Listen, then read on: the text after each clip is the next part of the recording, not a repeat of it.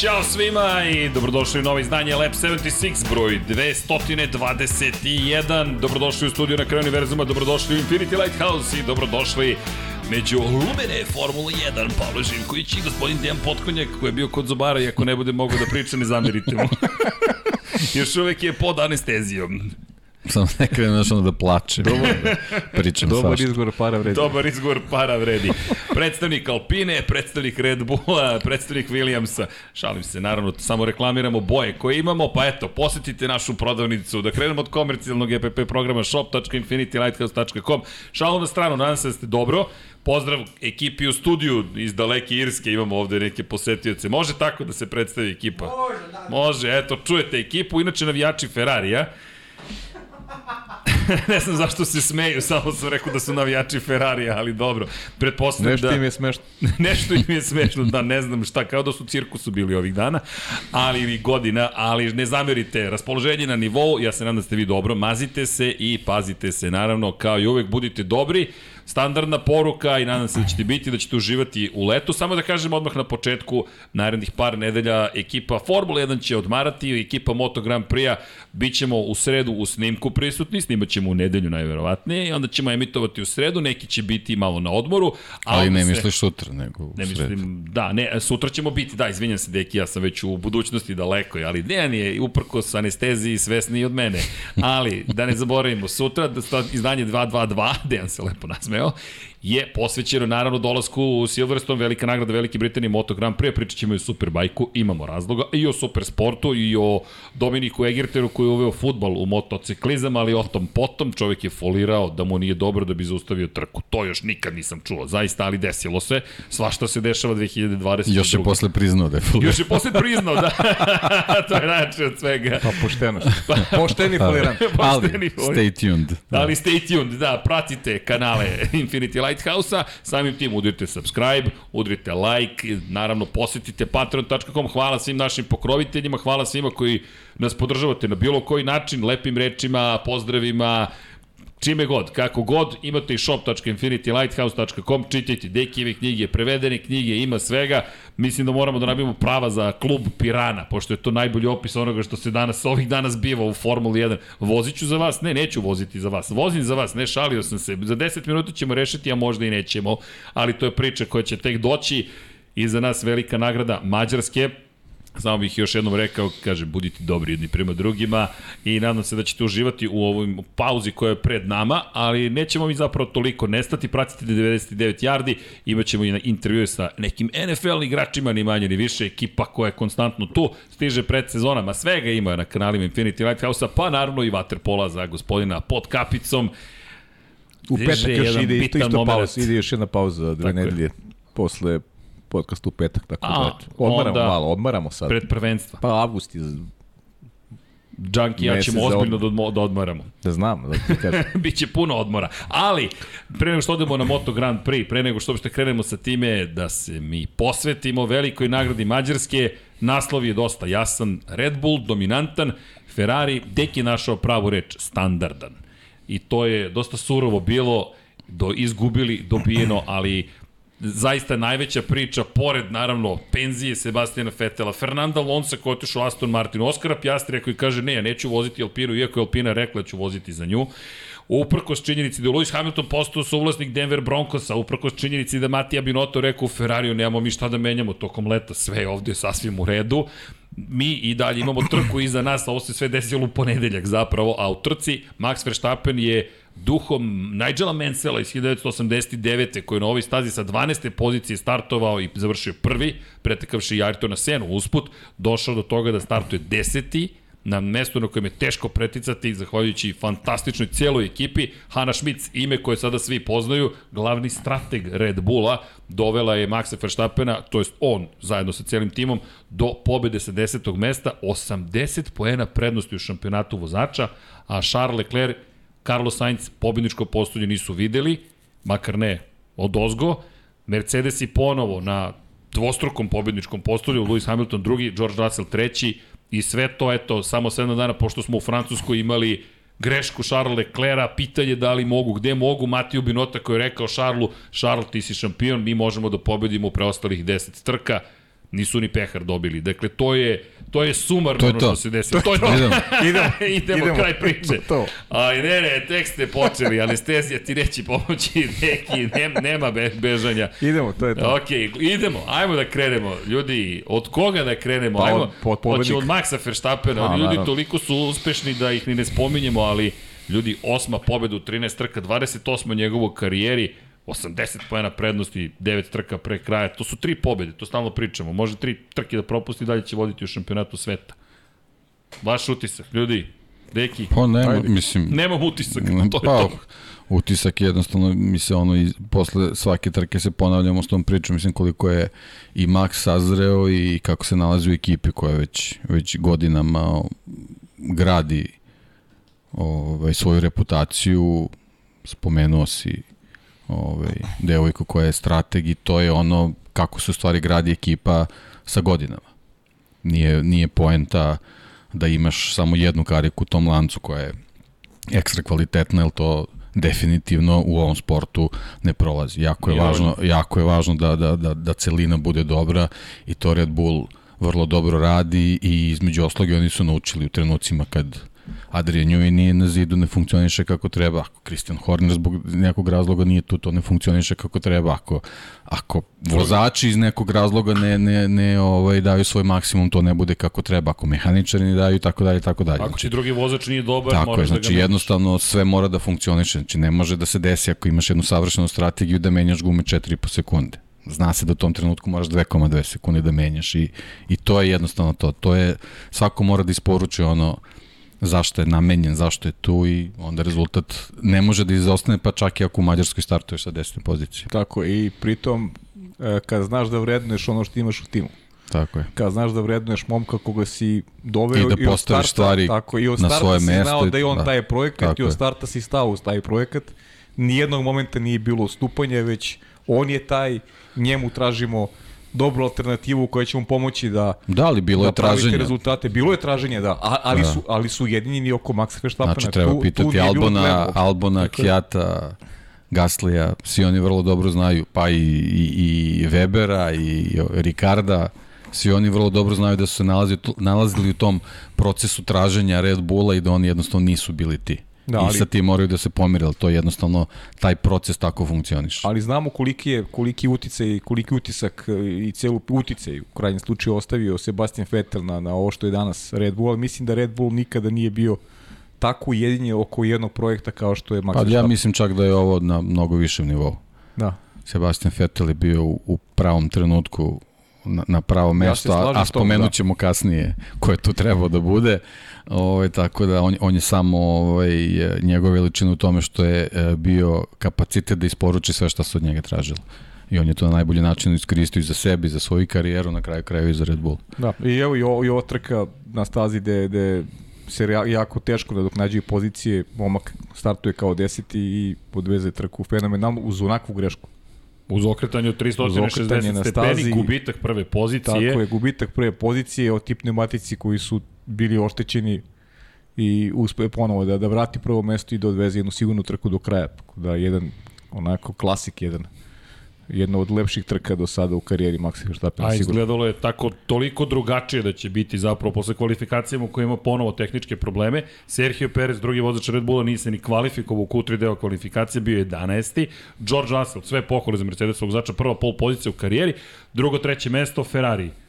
Charles Leclerc, Carlos Sainz na mestima, na pozicijama koje su opet ispred glavnih rivala za titulu i po pozicijama koje moraju da iskoriste. Koliko puta smo ispričali tu priču, to je ono što deki ti stalno ponavljaš. Neću još preći na Ferrari, samo da konstatujemo kako je bila postavljena ta scena. Dve Alpine ispred Maxa Verstappena, Lewis Hamilton ispred Maxa Verstappena.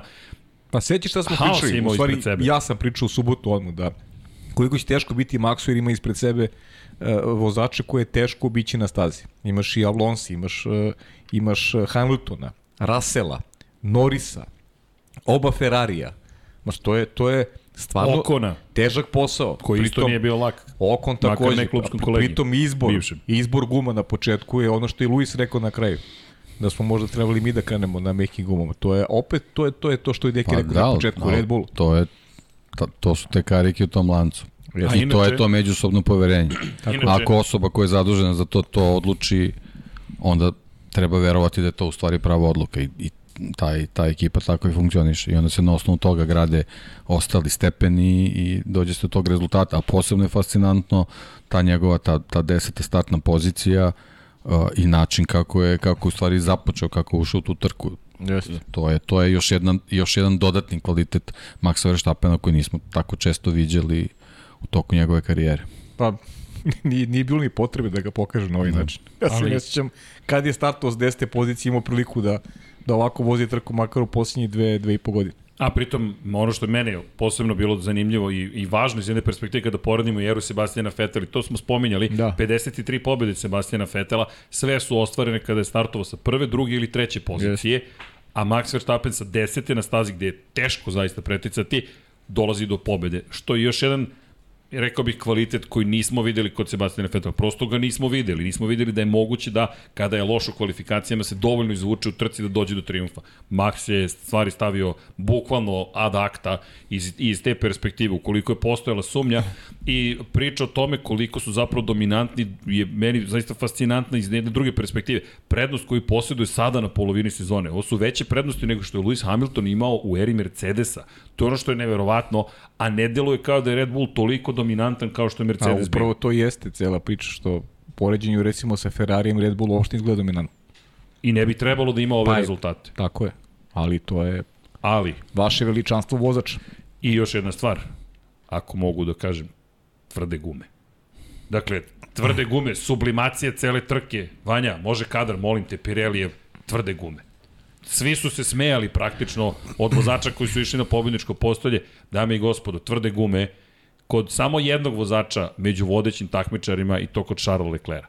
U momentu kada bi trebalo da se bori sa Maxom Verstappenom, da brani svoju poziciju, u momentu kada on vodi, on dobija gume za koje je svima jasno da ne funkcionišu. Od šestog kruga, ukoliko je bilo sumnje, Kevin Magnussen je bio na tvrdim gumama i znali smo da one ne rade. Samo jedan od vodećih zato što su videli koliko su smešni kad je Leclerc u pitanju, pa su onda imali vremena da Saincu, ovaj, da Sainca pozovi da mu stave meki gum. Ili ti Charles Leclerc je testirao gume koje funkcionišu i onda je Ferrari znao Pa da ne Charles Leclerc kao drugi vozač normalno da on ovaj, testira, pa onda ovaj prvi vozač dobije Pazi, ironičan ironija je naravno, savršena. ali, ali Čak ovaj, se ni ne smejemo. tako, se, tako se u stvari u principu odvijaju ove godine kad je Ferrari u pitanju. Jer ti zapravo ne možeš da pri... ja, ja ne mogu da pričam o dominaciji Red Bulla bez Ferrarija.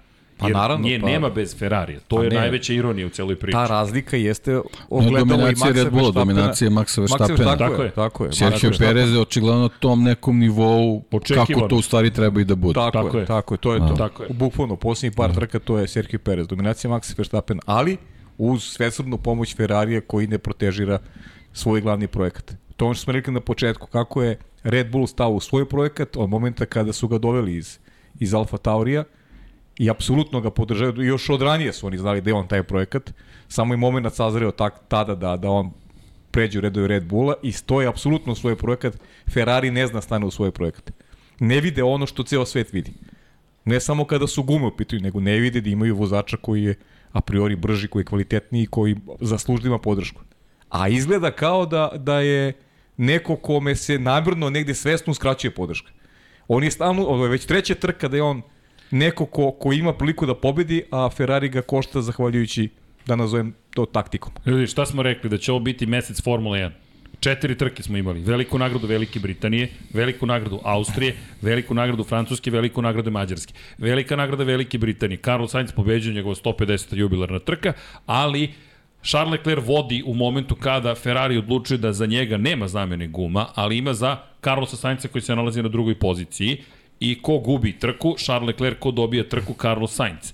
Dakle, kada pričamo o Ferrariju, ok, pobeda za tim, ali tvoj vozač koji bi trebalo da se bori za titulu šampiona sveta ostaje bez poena. U momentu kada Max Verstappen je na sedmoj poziciji zato što je pokupio deo Hasovog bolida i mnogo je sporiji nego što je ko očekivao. Idemo u Austriju i tu mislim da je Austrija glavni krivac i za Francusku i za Mađarsku. Zašto? U Francuskoj sjajna strategija, sjajna vožnja, tri preticanja Maxa Verstappena u trci, pobeda. Opa, ipak su tu, u igri su. Dve nedelje kasnije velika nagrada Francuske, ista strategija se primenjuje, Charles Leclerc pravi grešku, izleće sa staze, Dakle, drugi sada problem u tri trke za Charles Leclerc, pa i Ferrari na taj način i dolazi četvrta trka u mesecu julu, kada ti treba da ostaneš u igri za titulu šampiona sveta.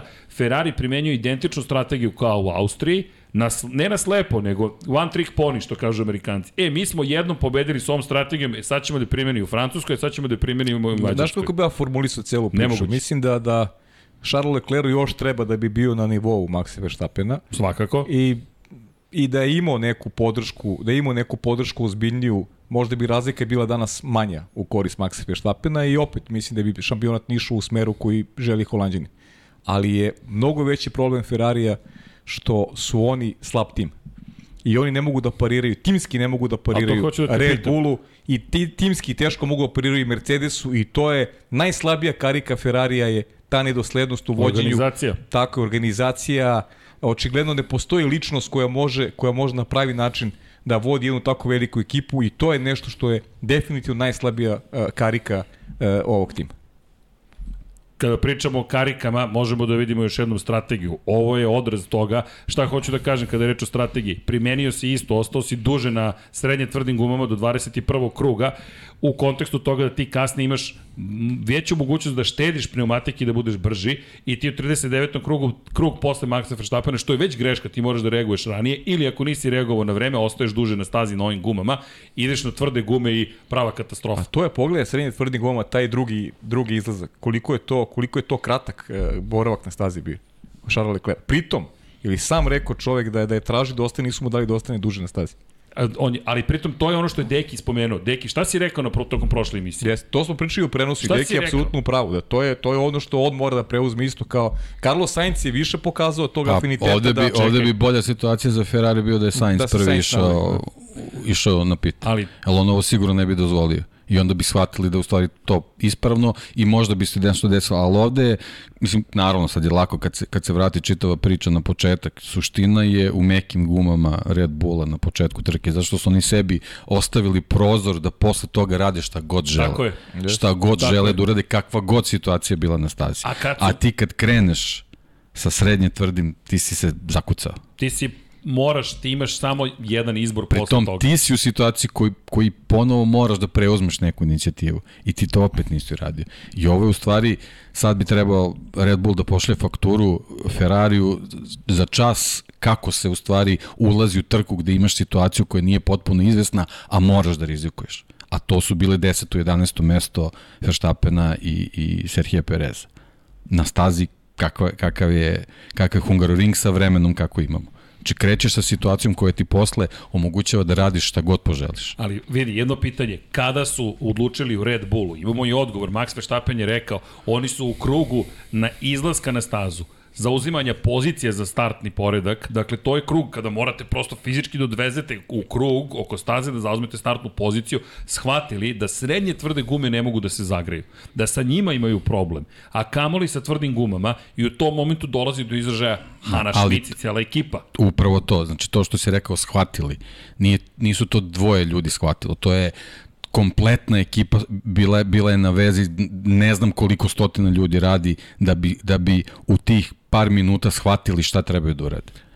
Tako se to radi. Ali meni je fascinantno koliko to izgleda mirno, a oni sad voze krug, sad će da zauzmu svoje startne pozicije. Pa dobro, Ljudi, i, i to je deo to je- taktike tako i je. politike. Ali- Ne, ne, e, svojim gestovima ne praviš situaciju da neko obrati pažnju šta radiš. Znači oni su to potpuno neprimetno radili. Ali to mene fascinira u prenosu, da ti vidiš jedan mir, tišinu, a zapravo terabajti, terabajti podataka lete. I ono što smo imali, opet smo imali divan studio pred početak, gde možemo da vidimo te momente, bukvalno se kuva. I svi su kao ha ha ha, smeju se jedni s drugima, a zapravo inženjeri proračunavaju šta sada. Temperatura je niža, vlažnost vazduha je viša, temperatura staze je niža, padala je kiša danas, kako ove gume rade. Pri čemu, Pavel, pričali smo ti i ja, videli smo i u Formuli 2 kakva je situacija, a videli smo i probleme tokom kišnog treninga broj 3 da Mercedes ima probleme sa zagrevanjem guma. Nama je bilo jasno bez Pa jednog neko, internog neko je rekao, da, neko je rekao u, u Formuli 2 da je htio da menja gume, ali bilo kasno. Imali su i tu vrstu podataka, mogli su i tada da neke stvari, ovaj, ako su pažljivo pratili Da li su na uopšte stazi, pratili? stazne sta, na stazi je bilo Pri identično. tom imaju gomilu vozači iz akademije koji u, Jeste. u Me, meni, je, 2. meni je neverovatno da, da, da, da možemo mi da vidimo, ajde sad, sa komentatorske pozicije, da nam je apsolutno jasno na osnovu podataka da te tvrde gume da su potpuni promašaj, da jedan tako ozbiljan tim koji se bori za titulu da, da, to, da to ne vidi.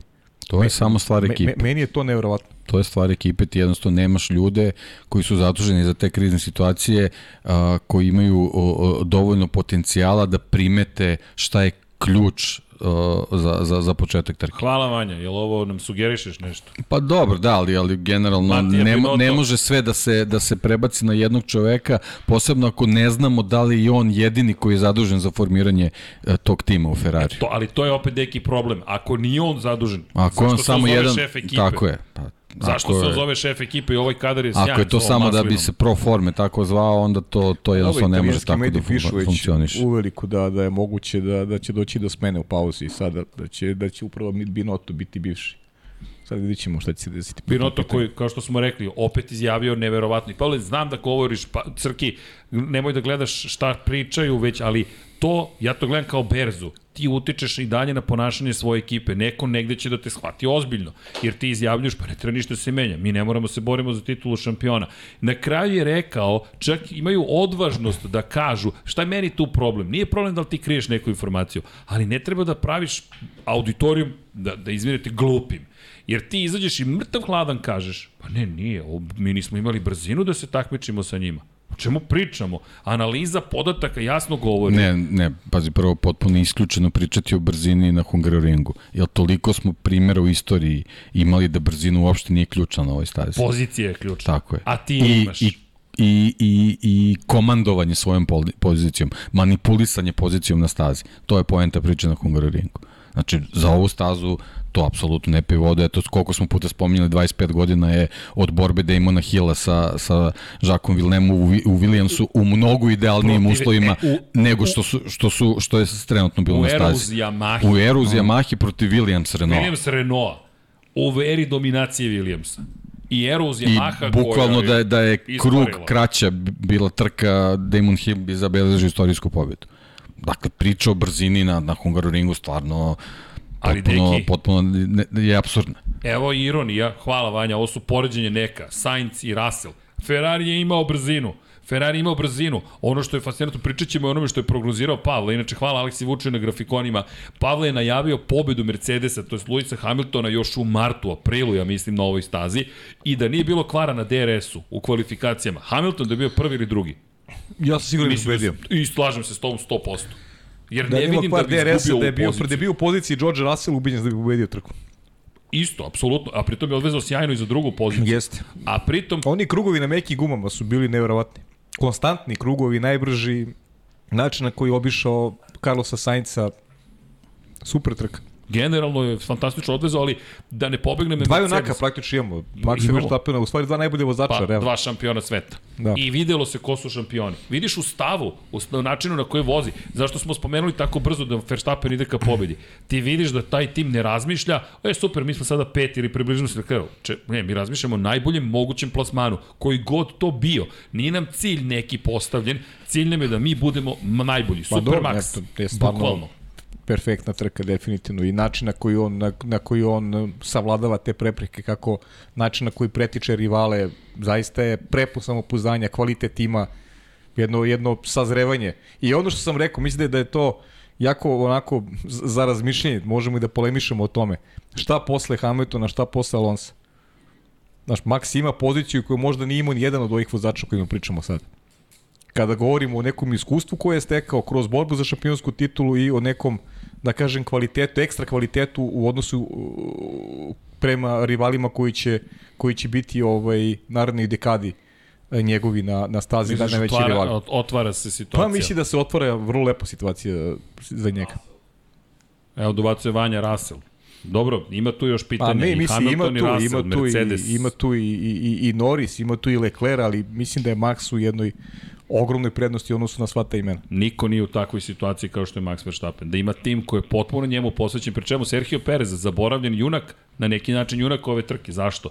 Zato što ni jednog momenta nije usporio Luis, oprostite, Maxa Verstappena. Zašto? I pri tomu je sačuvao leđa prilikom pirueta. je. Jeste, da. Tako je. I ti imaš Pereza koji je nevidljiv opet, ali je dovoljno uradio da uradi svoj deo posla vozača broj 2. Kada je došao Verstappen do njega, znali smo da tu nema diskusije, samo da, se pomerio ma da. i, i to je to. Nema bitke. A Ne opet, gubi vreme, ne gubi vreme tu. za, a mogli smo da vidimo kako klubski kolege mogu da ratuju jedan protiv drugog u vidu Estebana Okona i Fernanda Alonso. Ok, njihov ulog je manji, ali opet mi govorimo o tome Ali ako- razmišljenja Esteban Tako je. Okona su i, i dalje veoma diskutabilne. ekstremna. Jes, da, nije sporno. Meni zbunjujuće, moram priznati. U momentu kada se ti boriš s McLarenom za poziciju 4, da ti dozvoliš Ne sebi... postoji način Ne razumem. na, na koji bi me neko uverio da, je, da su njegove, njegovi manevri prema Fernando Alonso u poslednjih nekoliko trka, sad već ne znam gde se sve to dešavalo, da su opravdani. Jednostavno ne postoji način da me neko uveri da... Čak i da su rivali Mm, suprotničkih suparničkih ekipa, ja ne vidim da je to potez koji treba da povlačiš. I ono što je Fernando Da, rekao posebno ovo, da, da su rivali suparničkih tima, ekipa mogli bi da razumemo. Ali Da, ovako mogu bi da razumem e agresivnost, ali čak i ti potezi su van trkačkog, da kažeš... Posebno sa ovom situacijom sa veoma osetljivim gumama. Pa i ne samo Ti dolaziš u situaciju da M se usporavaš, M praviš sebi nepotrebno, ovaj, nepotrebna habanja. Ne, ne, to. Pa ne, ali znači, tebi je u interesu ali nije kao prvi vozaču, tebi u interesu, ti si put. došao pobede zahvaljujući Alonso i tebi je u interesu da ti ekipa bude ispred McLarena. I, I to je jedini cilj koji ima ove godine. Pritom Alpina. ostaješ u Alpini. Pritom ostaješ u Alpini. Postoješ u Alpini. Da. Da. I ti, ti bodovi Alonsovi su vrlo važni i za tebe u nekoj Tako je, u perspektivi. nekoj budućnosti, pa da. Zato i Za kažem. Ceo tim Pa i marketinški Tako i, je. I iz perspektive novca Ma, ćeš zaraditi. Kako on, god, to je ono što ja, ja sam stvari. rekao, ja stvarno poštujem tog momka, ali, ali ima nekad je, neka stvarno ima neko onako pomračenje još od onda. Pa nije još, neka, to još iz Force Indije Pa traje. iz Force Indije, To- kažem. to je neki njegov trka u zaštitni- Baku- zaštitni znak još postao. je školski primer, kako Tako ne je, treba. Tako je. To je to. I imali smo je ovde ponovo, ali me vraća na Serhije Pereza. Perez se samo sklonio. Inače, baš neka, nekoliko pitanja je bilo apropo i te bukvalno dominacije, ali ovde čak nema diskusiju ni koju smo imali sa Bottasom i Hamiltonom. I jedna velika razlika gde mislim da je ogromna razlika između dominacije Mercedesa i, i Red Bulla i mislim da će se o tome dosta pričati. Mercedes je bio toliko bolji od svih ostalih timova Jeste. da vi u velikoj meri često niste imali nikog, nijednog rivala osim Pa sređeno, budemo, da budemo iskreni, trke su bile poprilično dosadne i predvidive. Pa zato što znaš da Bottas mora da igra ulogu vozača, dva Hamilton će nestati u daljini. Em je ekstremno talentovan, em ima neverovatni, neverovatan U, boli. u minimum četiri godine smo gledali sezone u kojoj, koje su bile dosadne. Ajde, realno. Jer konkurencija nije mogla ništa. Ti ovdje imaš plus 80 za Maxa 2014. Verstappena nikog nije u situaciji gde, je- gde je Ferrari konkurentan. Gde je Ferrari Da, realno, da i svaka zaliha je bitna. svaka zaliha je bitna, naravno, ali, ali je potpuno konkurentan Ferrari. Dakle, da, da je pri- pričamo o dominaciji bolida, mi možemo pričamo o dominaciji vozača. Pa, ajmo da pričamo ovako. Pa ne pričamo o dominaciji bolide, nego o dominaciji ekipe. E- Ekipe, da. bukvalno. Ekipe, da. Da, Ekipe, pri, jeste. pri čemu, kada pričamo o tome, 2014. godina, kada pričamo o početku hibridne ere, niko nije mogao da se približi Mercedesu. Dakle, niko nije mogao da se približi Mercedesu. U 2015. Fer- Ferrari je zahvaljujući prvoj sezoni Vettelov Ferrari imao tri pobede, ali kada pogledaš pol pozicije, niko nije mogao da osvoji pol poziciju. Kad se desi da neko osvoji pol poziciju, kao što je bio Vettel u Ferrari ili ko beše Felipe Massa tipa u Williamsu, ne znam, u Austriji, to je dan kada kažeš, wow, neko je pobedio Mercedes. Mi sada pričamo o sezoni u kojoj Ferrari ima dominaciju po pitanju pol pozicija. Ti kada pogledaš i, oni, ona, i ona jeziva statistika, 16 pol pozicija iz prethodne trke za Charles Leclerc, treći najbolji u istoriji Ferrari po broju pol pozicije samo pet pobjeda.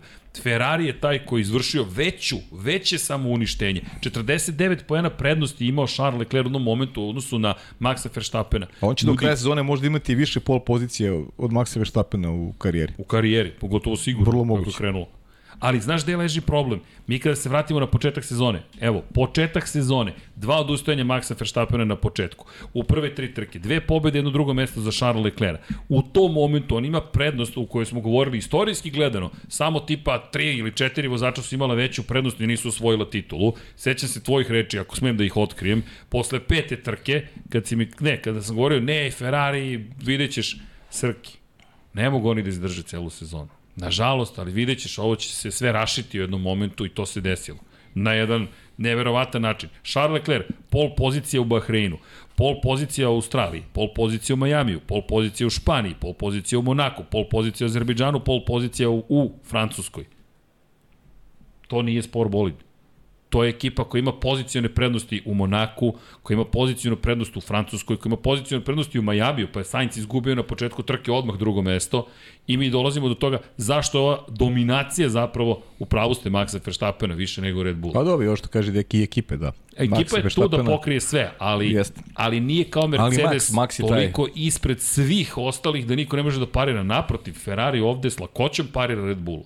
Sada sa lakoćem ponovo, ali problem za Ferrari je što trenutno ima 34 pojena prednosti u odnosu na Mercedes, koji svojom konst, konzistent, konstantnošću, ne znam, Deki ne voli baš taj termin, ali prosto neumoljivošću se približava Ferrariju koji konstantno vrši autodestrukciju. Zato pričati o dominaciji Red Bulla je nemoguće bez Ferrarija. Zato, ne, pa zato ne. i komentari sa izjavu Matije Binota gde Pa pa, osim Red kažem, Bulla on sad da. već mora da gledaju Mercedes je Ma, mislim, potpuno neverovatno. Znači ti, te, tebi se bukvalno bliži situacija da tvoji bolidi mogu biti brojevi 5 i 6 ti moraš nešto kažeš za... preko noći, to je sezone, čim da. se, čim se završi pauza. Ti moraš Bukvalno na sledećoj, medijima, sledećoj trci. italijanskim pogotovo, koji su nemilosrdni, to, to smo pričali x puta, mora da kažeš nešto, a Matija Binotto je poznat po tim nekim izjavama koje, mislim, meni nisu ni, ni za... To mi je kao, aj sad prelazim na drugu temu, kao izjava Sebast, eh, Fernanda Alonso o Aston Martinu. Da će biti to A, sjajan projekat. meni i smešna da- izjava, iskreno. Ja mislim da je suludo izjava, ali... Ali, ali, ali mora nešto kažeš, kad ideš u neki tim, ti moraš da kažeš nešto, Nešto pozitivno. Da ispričaš nešto pozitivno, znaš, meni je stvarno mi je izjava onako.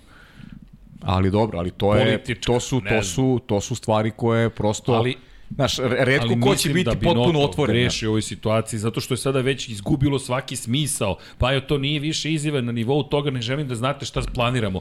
Vi ne planirate ništa.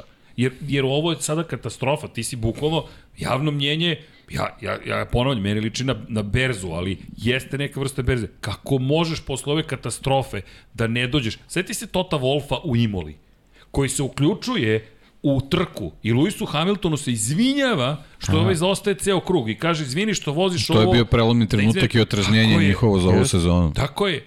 I on je rekao sranje. To je njegova izjava o svom bolidu. I razmišljam kako možeš ovo da kažeš. Ali to je poruka svima i u fabrici i Lewisu Hamiltonu. Svestan sam ja, kao odgovorno lice, da ovo ne valja.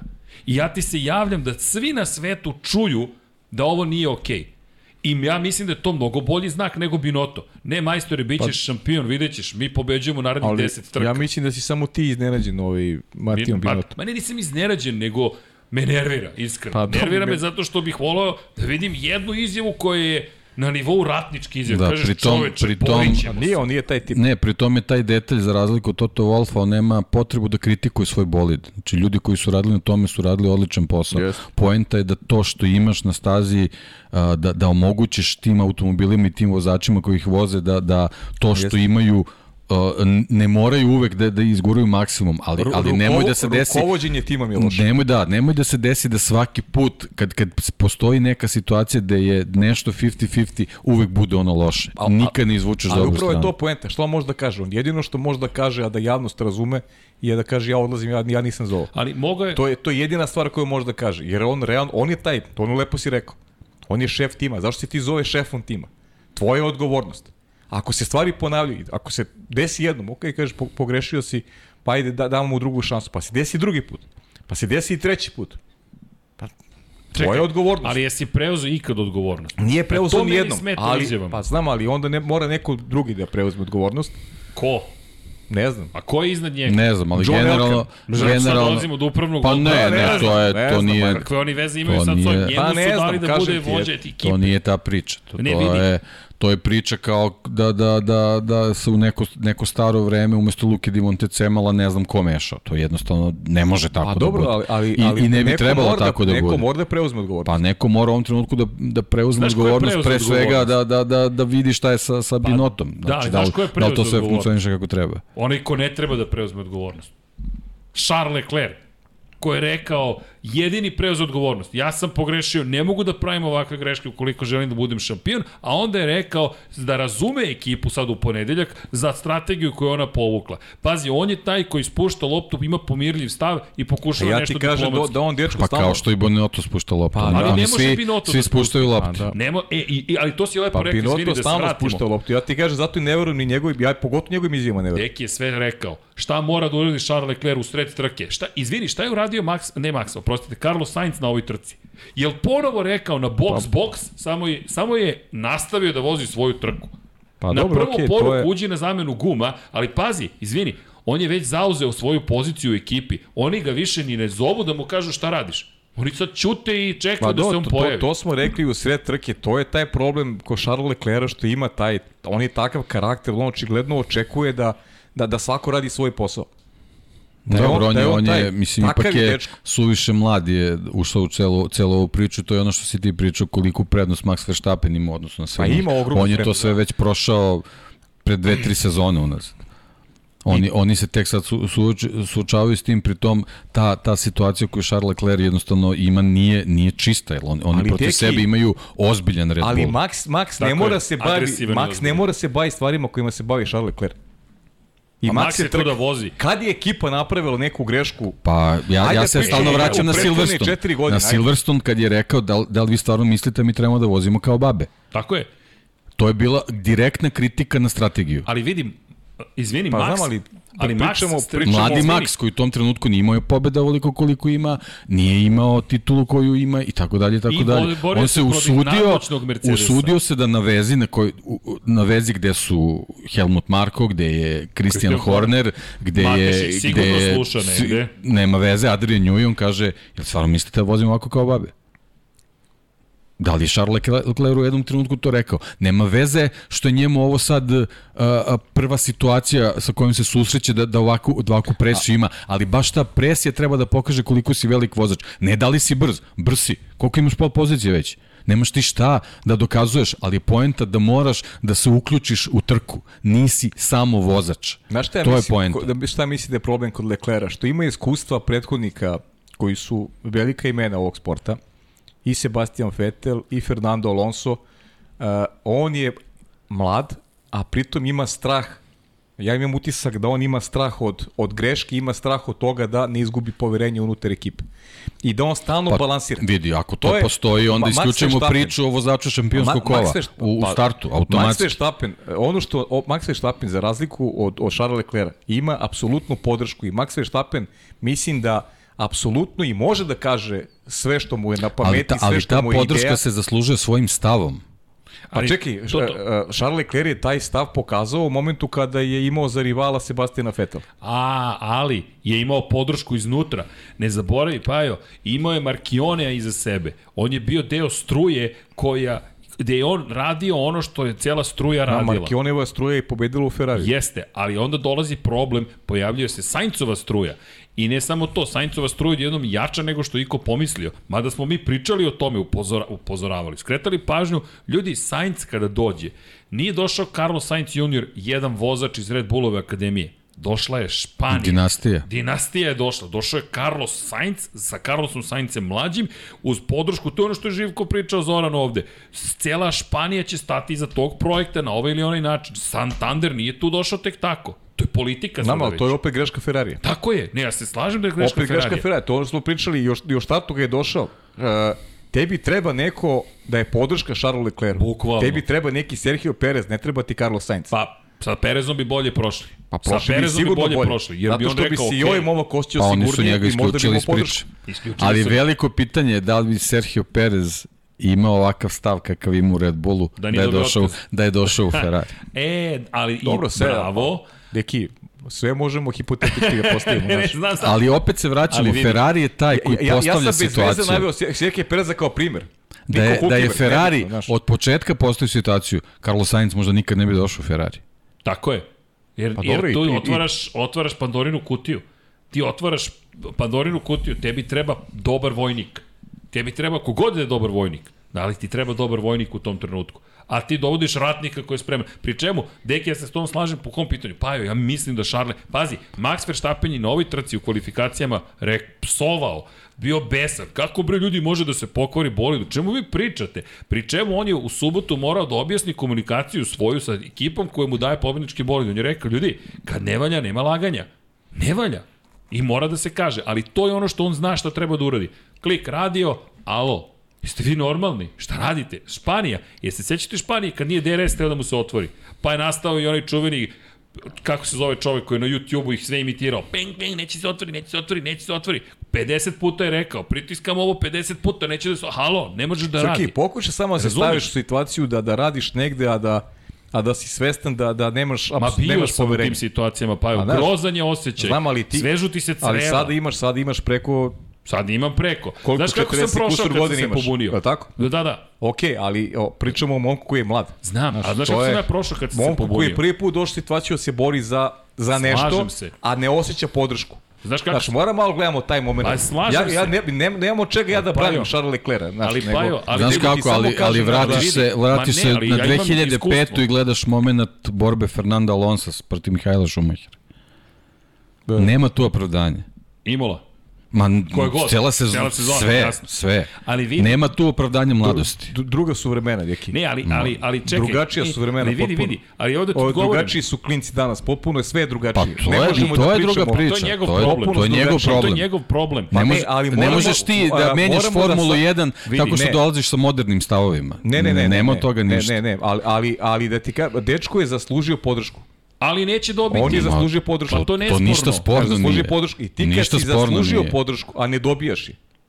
Uh, ne, Pa jo, ali ne nije- možeš da nije zaslužiš da podršku odgovorim. i da ti ne radiš ništa, zato što misliš da si Moraš da zaslužio boriš. podršku. To je Formula 1. Moraš da se boriš.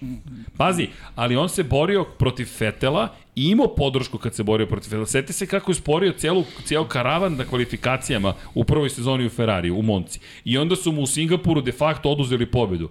I rekao mu je Binoto po završetku trke u Singapuru koja je pripala Fetelu, to ti je za Moncu.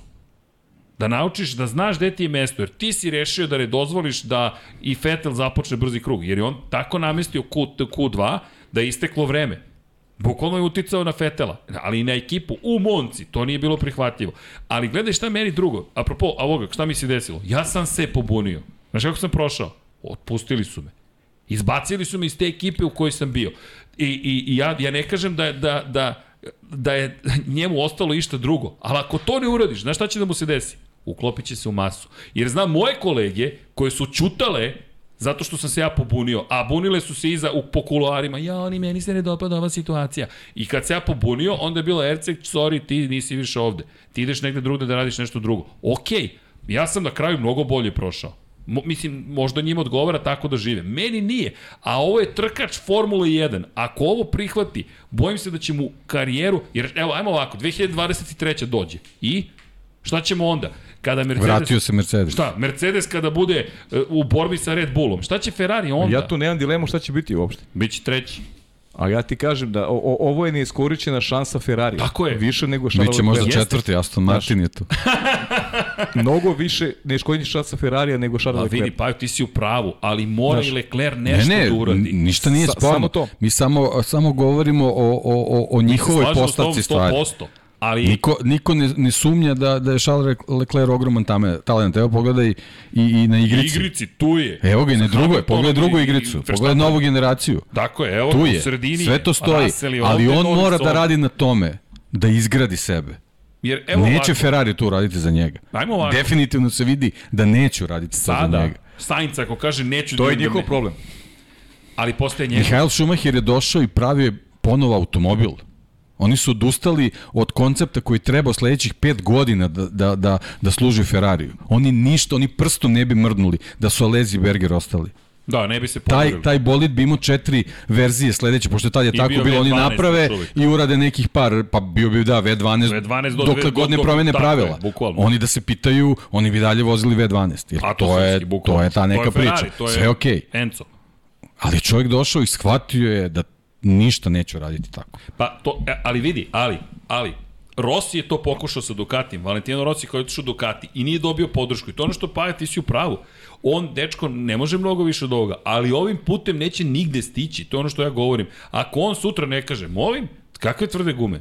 Ma neću da menjam na tvrde gume. Pri čemu mu je klubski kolega jasno pokazao da to može da se uradi i možeš da prođeš nekažnjeno. Sainz nijednom nije kažnjen za odbijanje da posluša ekipu. Zamisli Botasa koji kaže neću da uđem.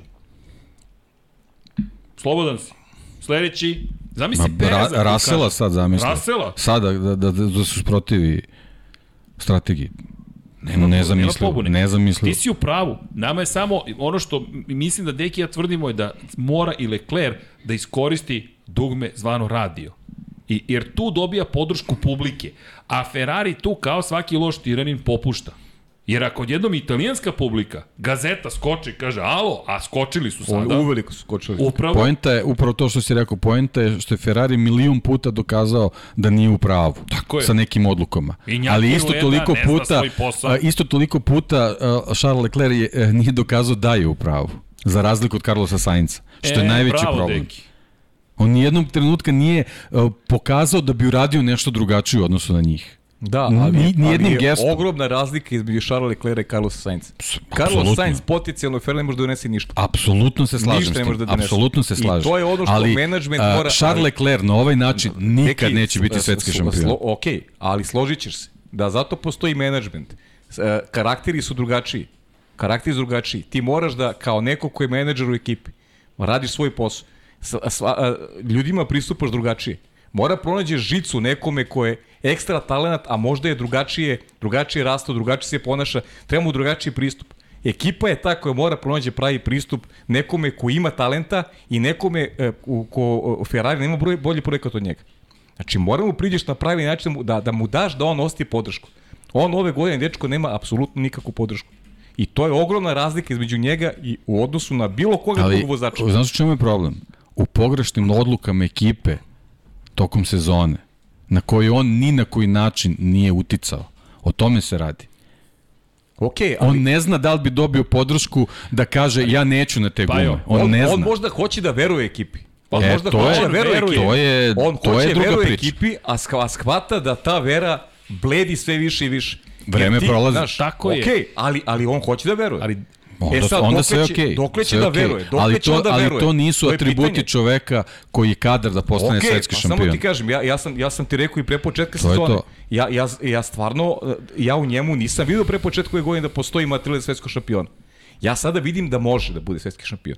Da može se otvori neka sezona u kojoj će uzeti šampionsku titulu. Ali on je očigledno momak koji, koji traži, koji traži možda malo a, malo više podrške nego što bi tražio neko drugi. I sad na tebi je kao menadžmentu da proceniš da li taj momak zaslužuje podršku ili ne. Ako misliš da ne zaslužuje, onda ga pusti niz vetar pa gradi ekipu na drugačiji način. Ili, ako ne umeš da pružiš podršku nekom ko ti je očigledno projekat, Ali Pajo, onda se ti skloni pusti neko drugi da proba to da napravi. ali To je to sve Razumeš? stoji, apsolutno Management stoji. Ferrari ja samo pričam, ja samo pričam o Užasan. trenutnoj ali situaciji. Pajo, ja, Užasno. ja mislim ljudi, Da. ja mislim Pajo da ti veruješ u sposobnost menadžmenta Ferrarija. Ne. Da ona postoji. Ne, ja, ja, ja mislim da on, dečko, veruje u to, veruje u taj projekt Aha. koji je došao. Jer, ali, Da on u ali to veruje. taj menadžment ne Ok, postoji. jednom je video, drugi put, treći put se opekao. Ajde vidimo kako će da reaguje četvrti Slažem put. se, ali vidi, ako i četvrti put on bude pomirljivog stava dobro, i kaže, ok, to je strategija Ferrari, sve ništa nije problem, mi smo ovde cveće i drveće. Pazi, mi ne znamo šta se dešava, ne, mi ne znamo šta se dešava iz zatvornih vrata. Ali to jeste poenta, ti ne možeš da, ako ti nemaš lobi, iza zatvorenih vrata, ti si solo, gde jedino možeš da dobiješ podršku, tako što ćeš da klikneš dugme radio i da kažeš, halo ljudi, on je u Mo- Monaku Ja rekao, kažem, šta radite? ja, ja i dan danas mislim, evo, mi se tu ne slažemo, ja i dan danas mislim da on dečko nije bio popuno iskren kada pričamo o incidentu u Francuskoj. Vidi, ja, ja, Ja i više... dan danas mislim da on nije bio iskren. Ja više naginjem ka tvojoj teoriji. Iskreno, ja više naginjem. Samo Ja što mislim da je on takav, podatke. da je takav profil Evo vidiš, čoveka. ja sam ti ko Leclerc. Znači, Ja mislim da je takav razumeš, profil ja- čoveka, da i dan danas, da i dan danas štiti. Takav Ali je, takav je dečko. Takav profil čoveka dobiti ništa. nikad neće biti svetski šampion. E, Vrlo moguće. Vrlo moguće. Razumeš? Ali ti zato kažem, zato ti kao neko ko je, ko je iskusniji, koji imaš, ti si kao neki menadžment, ti vodiš nešto što je veliki Kao tim. neki. Ti treba da imaš neku procenu, da vidiš kakav je, malo da pričaš sa tim momkom, da, da, da, mislim, to verovatno i radi. Ali znaš šta da je problem? Šta ti treba u u ovom trenutku uopšte nije problem u Charlesu Leclercu. Pa nije, zato i kažem. Ja, ja, ja Ogroman je mislim da problem, problem. U, u, Ali- strate, u strategiji, naravno. u inženjerima, u milijun Ali- drugih stvari. Ja mi, Ali- pa pazi, mi pričamo o Lecleru. Ja kažem da nije problem u Lecleru. Svi se slažemo. Nikakav problem Ali nije u ja Lecleru. vidim jedan problem. Razumeš? On mora da bude kapisla Ta- tako je. koja će da okine kao Sainz kapislu. On mora da postane mora menadžer tima ako hoće je. da osvoji titulu. Bukvalno, Okej. zato ja mislim da je, a, Ili il, da il, je on, il, il misliš da možda tu iz zatvorenih vrata ne radi? Mislim da ne. mislim da i da radi, da to nije dovoljno. I- Ne, mislim da, da jednostavno Ferrari je takav sistem da on Ma ne, ne, da ne, ne može ništa da Oni da pokucaju, oni će mu reći ne, čemu ti pričaš. To je moje mišljenje. Bio sam u lošim ćemo. korporacijama. Ne može da onda ode, eto, spomenuli da ode kod Elkana i kaže smeni ovog binota. Ne, ne postoji, Ne postoji, ne postoji teorija. teorija da će to da se Pri desi. čemu, z- er, koji, koji pritisak Kod na Elkana ne ide niko, ali a ko može, Pa, ko nema može veze, smeni, ko može hipotetički. smeni Binota? Ko je smenio Riva Benea? A, Kogoda je smenio, to nije došlo kao inicijativa vozača. Nem, nema verujem, šanse. Ali, ali, ne postoji a koga je šanse. smenio? Pa ne znam, ne. Neko iznad je morao to da uradi. Upravni direktor odbor. Ferrari je dao kogod. podršku Binotu kada je izmenovan ove Da. godine u februaru. I to smo rekli velike potez za Binota, velika, velike važnosti za Binota. Ali opet, ponavljam, ja verujem, za, zašto mislim da je Charles tom- Leclerc problem zapravo? Matija Binotto je čovek koji je radio na razvoju motora u, Tako- u Ferrarijevim je. šampionskim godinama s Mihajlom Šumacherom. Znači, nije on čovek koji ne zna. On samo nije na dobroj poziciji. Tako je, nije vođa tima. Tako. Nekoga je tu Pa stavio iz nekog da. razloga možda kao prinudna Pa neko mera ko u nekom trenutku kad je Arriva. Bene, pa da, ali tako ne funkcioniše da, pa, pe- sistem. Pobednički tim ne funkcioniše Ne može tako da Ali funkcioniše. zašto mislim da je Charles Leclerc problem i ovo je kompliment za njega? Jer je onda on i rešenje. Jer ako Tako ti je. nisi problem, ti ne možeš da budeš rešenje. Nikada. Ti možeš samo da čekaš da se nešto promeni. Ako čekaš, prođoše godine. Prođoše godine. A Ferrari će ostati na istoj sistemu sledeće godine. Sainz protiv Leclerca. Halo, momci, imate Mercedes i Red Bull. Jedan ima Maxa Verstappena, jedan ima Luisa Hamiltona. Zaista vam je potrebno da imate borbu između sebe. Pa ko pobedi, on će se boriti protiv ove dvojice. Ova dvojica će biti na Mount Everestu, vi ćete biti dole u baznom kampu. Super ste, ali kasno je. I opet sledeće godine će Ferrari u 14. Pritom, pazi, trci reći mi ćemo ne, znaš se čemu se radi, što radi drugi. Možda će se Pa ne. praviti neka druga ekipa koja će biti McLaren, treća u ono, šampionatu. Ne znam, Alpina, mada sumnjam sad u Alpinu posle svega što se izdešavalo. Ali dobro, kaže Vanja 15 minuta o ome. Vanja, ovo može 115 minuta da se priča. Ovo ti je tema glavna. Jer nema dominacije Red Bulla bez Ferrarija. Tako Pazi, je. to je paradoks. Nema dominacije Red Bulla bez Ferrarija. Pa Ne, ne mogu da verujem da sam to izjavio, ali to je to. Mercedes je dominirao zato što je bio Mercedes. A Red Bull dominira zato što jeste Red Bull, zato što ima Maxa Verstappen, ali zato što ima Ferrari s druge strane. I to je ono što je bizarno ove godine. Najviše pol pozicije imaju vozači Ferrari. I nemaju najviše pobjeda. Pa nemoguće. A mi pričamo o šampionatu moguće, kako u kojem nemoguće? ko osvoji pol poziciju ima stratešku prednost. Molim te, Stratešku Vanja, prednost. Slušaj. stratešku prednost. Vrati, vrati Pirelli. I Vettel i Alonso su bili u koži Charles I ništa, tako je, i ništa. Evo ti genijalnost. Ko startuje na crvenim, to jest mekim gumama? Max Verstappen, George Russell, Sergio Perez, je li tako? Lando Norris, dakle, Vettel, Stroll, Vettel, Stroll koji su napredovali kao mećava, kao metak su išli na početku zahvaljujući making gumama. Daniel Ricardo ih imao. Ok, imao ih Albon, imao je Da, ali incident. pazi, da, da, pitanje je kako bi album Tako prošao je. da nije imao taj incident. Da nije imalo kontakta. Albon je delovao mnogo brzo, generalno je Williams izgledao dobro. I ako pogledaš, svi koji su bili na making gumama i su išli mnogo dobro. Aston Martin je bio na začelju, ljudi, mi gledamo preporuđeni Aston Martin, o čemu se ovde priča. I onda taj pogled na tvrde gume. Ok, Alpina imala svoju ideju da ide na tvrdim gumama jedno stajanje da ima, donekle se isplatilo. Dobro, teže automobili su bili možda u tom trenutku to bolje funkcionisalo. Tako je. Jedino je Norris imao da. pristojan tempo na tvrdim gumama. Eto, to je zanimljivo. Makar meni, u 42. Zbog ogibljenja. Da.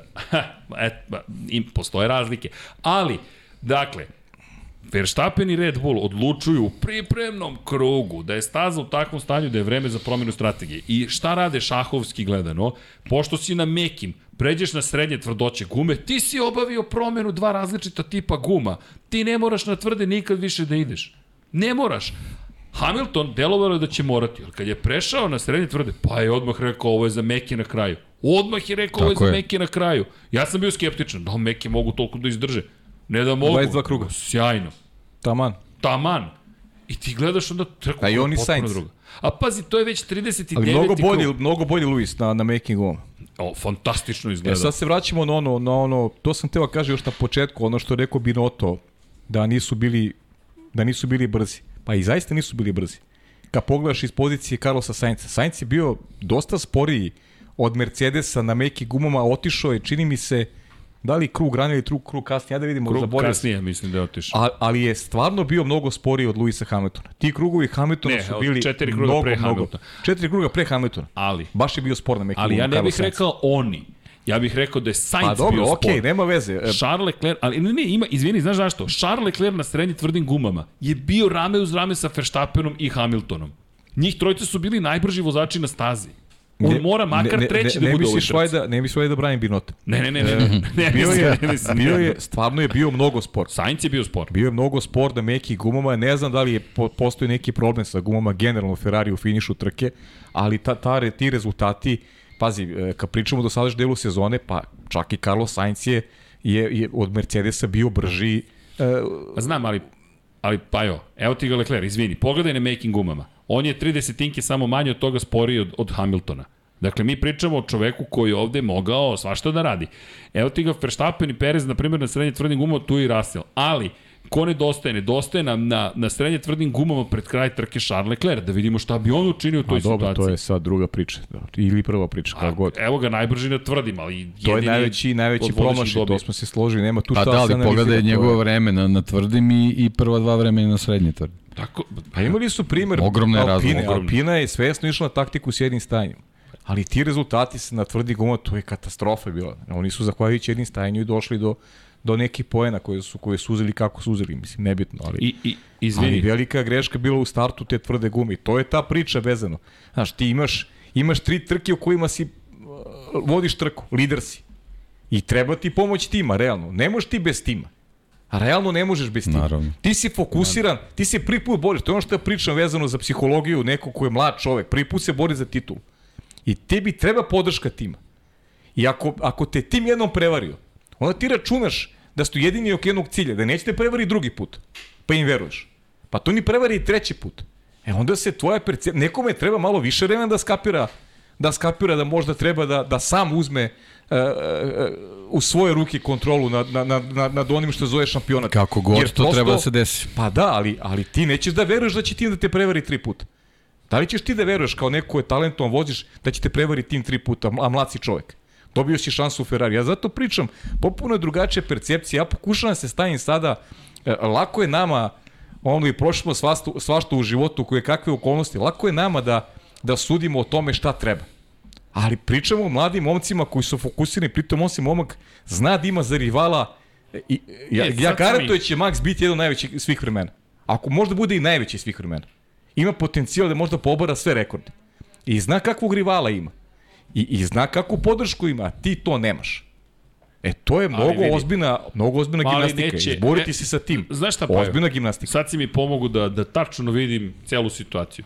Znaš zašto se ne buni Charles Leclerc? Zato što znači da dobije otkaz ako se bude bunio. To jest, Pa bit dobro. će skrajnut maksimalno A i to je nisam kraj. dok je moguće. To je moje Moguće. mišljenje. Ti si svestan kada si Moguće. zaposlena osoba u lošoj kompaniji kako funkcioniše menadžment. Ti si prosto svestan da to od tog filma nema ništa. I da ti ako odeš tamo da se buniš, da će doći situacija u kojoj će ti oni reći ili će da te potpuno ignorišu ili će da te skrajnu i to je to. Bukvalno to Ne je znam, to. moguće, ja stvarno ne znam, vidjet ćemo, eto, pratimo dalje šta se dešava. Et, ne slažemo se do kraja i, i ne treba bi ovde se slažemo, ne, menjamo Ja, mišljenje. apsolutno se slažemo, nego samo je poenta u tim nekim uh, pogledima vezan, vezanu, vezane za njegove potencijale. Okej. Znači on ako se, ako se sa takvim stvarima ne izbori, on nema šta da traži u društvu ljudi koji hoće da budu svetski šampioni. Da, on ima vremena, poenta. on još ima vremena da se izbori. Nema vremena, dolazi Mercedes. Pa dobro, nema okej. vremena. Ova, ova sezona je bila prilika. Sad nema vremena. Vidi, kada govorimo o, o, o sezoni koja je, o, koja je pred nama, ovo je gotovo. Devet trka je ostalo do kraja. Bukvalno devet trka je ostalo do kraja. 13 je prošlo. Mi ne pričamo ni o polovini sezone. Pri čemu, kada se vratimo na stazu u Belgiji, ne očekujem ništa da će Ferrari novo doneti, a odlazimo u Belgiju gde Max verujem da će hteti ne da bude brz, nego da će hteti pred svojom de facto publikom da pobedi. Zatim imaš Mercedes, pri čemu Da, stupaju to na je snagu nova praktično pravila. treća njegova domaća staza. Tako je, a dolaze ti nova pravila koja će biti vrlo zanimljiva. Frekvencija, oscilacija, pod, promena fleksibilnosti poda, koje sve mogu da odgovaraju Mercedesu. Obavezna visina bolida, gde Mercedes odjednom može da skoči još više u odnosu na Ferrari Pa i Red Bull. to- I onda imaš Ferrari koji ne može to da nadoknađuje. I onda dolazimo u Zandvoort gde očekujemo Verstappena i onda idemo u Moncu gde eventualno može da se nese nešto s Ferrarijem, ali stara mi, priča, mi pričamo autodestrukcija o, u o čemu? Italiji. O, o šampionskoj tituli, šta? Ne, ne, samo da konstatujemo da sezona je gotova što se tiče Ferrari i Charles Leclerc. Gotova, iz perspektive titula. Pa, Gotovo. To je to, 80 poena. Ja bih volio da kažem da je drugačije, ali to je to. To mislim da je ono da je deki što si upravo samo, Ma, samo taj, taj kalendar koji si navio je neumoljiv. Ma ne Mi znamo kako oni rade na, na, na tim stazama. Gde... I onda šest trka samo do kraja. Samo šest trka i onda je vreme, ono što smo pričali, prelaziš na pripremu za 2023. Pa godinu. to već možeš sada da pređeš. Mislim, nije, nije to sporno. I iz te perspektive, Ja ti samo kažeš šta, gledaj šta ti je projekat tvoj. Šta je tvoj projekat za budućnost? Koja je to serija vozača koja može da se uprosti Maxu Verstappenu sutra kad ne bude bilo Luisa Hamiltona i Fernanda Alonso? Tako je. Ko su ti vozači? Tako je. I da li je Leclerc taj vozač? Ma ne samo vozači, ekipe. Ekipe, ne, ali, Ekipe, ali, ali su sad to iz percepcije da. Ferrarija. I Leclerc da. taj je vozač. Pa ljudi, ajde malo da se ujedinite oko toga da mu, da mu date podršku. Jel nije on taj? Pa ajde dovedite neko ko će biti taj, ujedinite se oko Da, ali njega. znaš što je problem? da Što, što taj recept odavno ne postoji u Ferrariju. To e, je pa, problem. E, pa to očigledno da Ferrari mora da malo menja svoje recepte. To je problem. mase. To je problem. Ako neće da menjaju svoje recepte, onda će da, tavore i tako će da bude. Jer ne mora to bude Leclerc. I ste procenili da je, da je Lando Norris. Ok, dovedite Landa Norrisa pa su jedinite oko Landa Norrisa. I dajte mu podršku.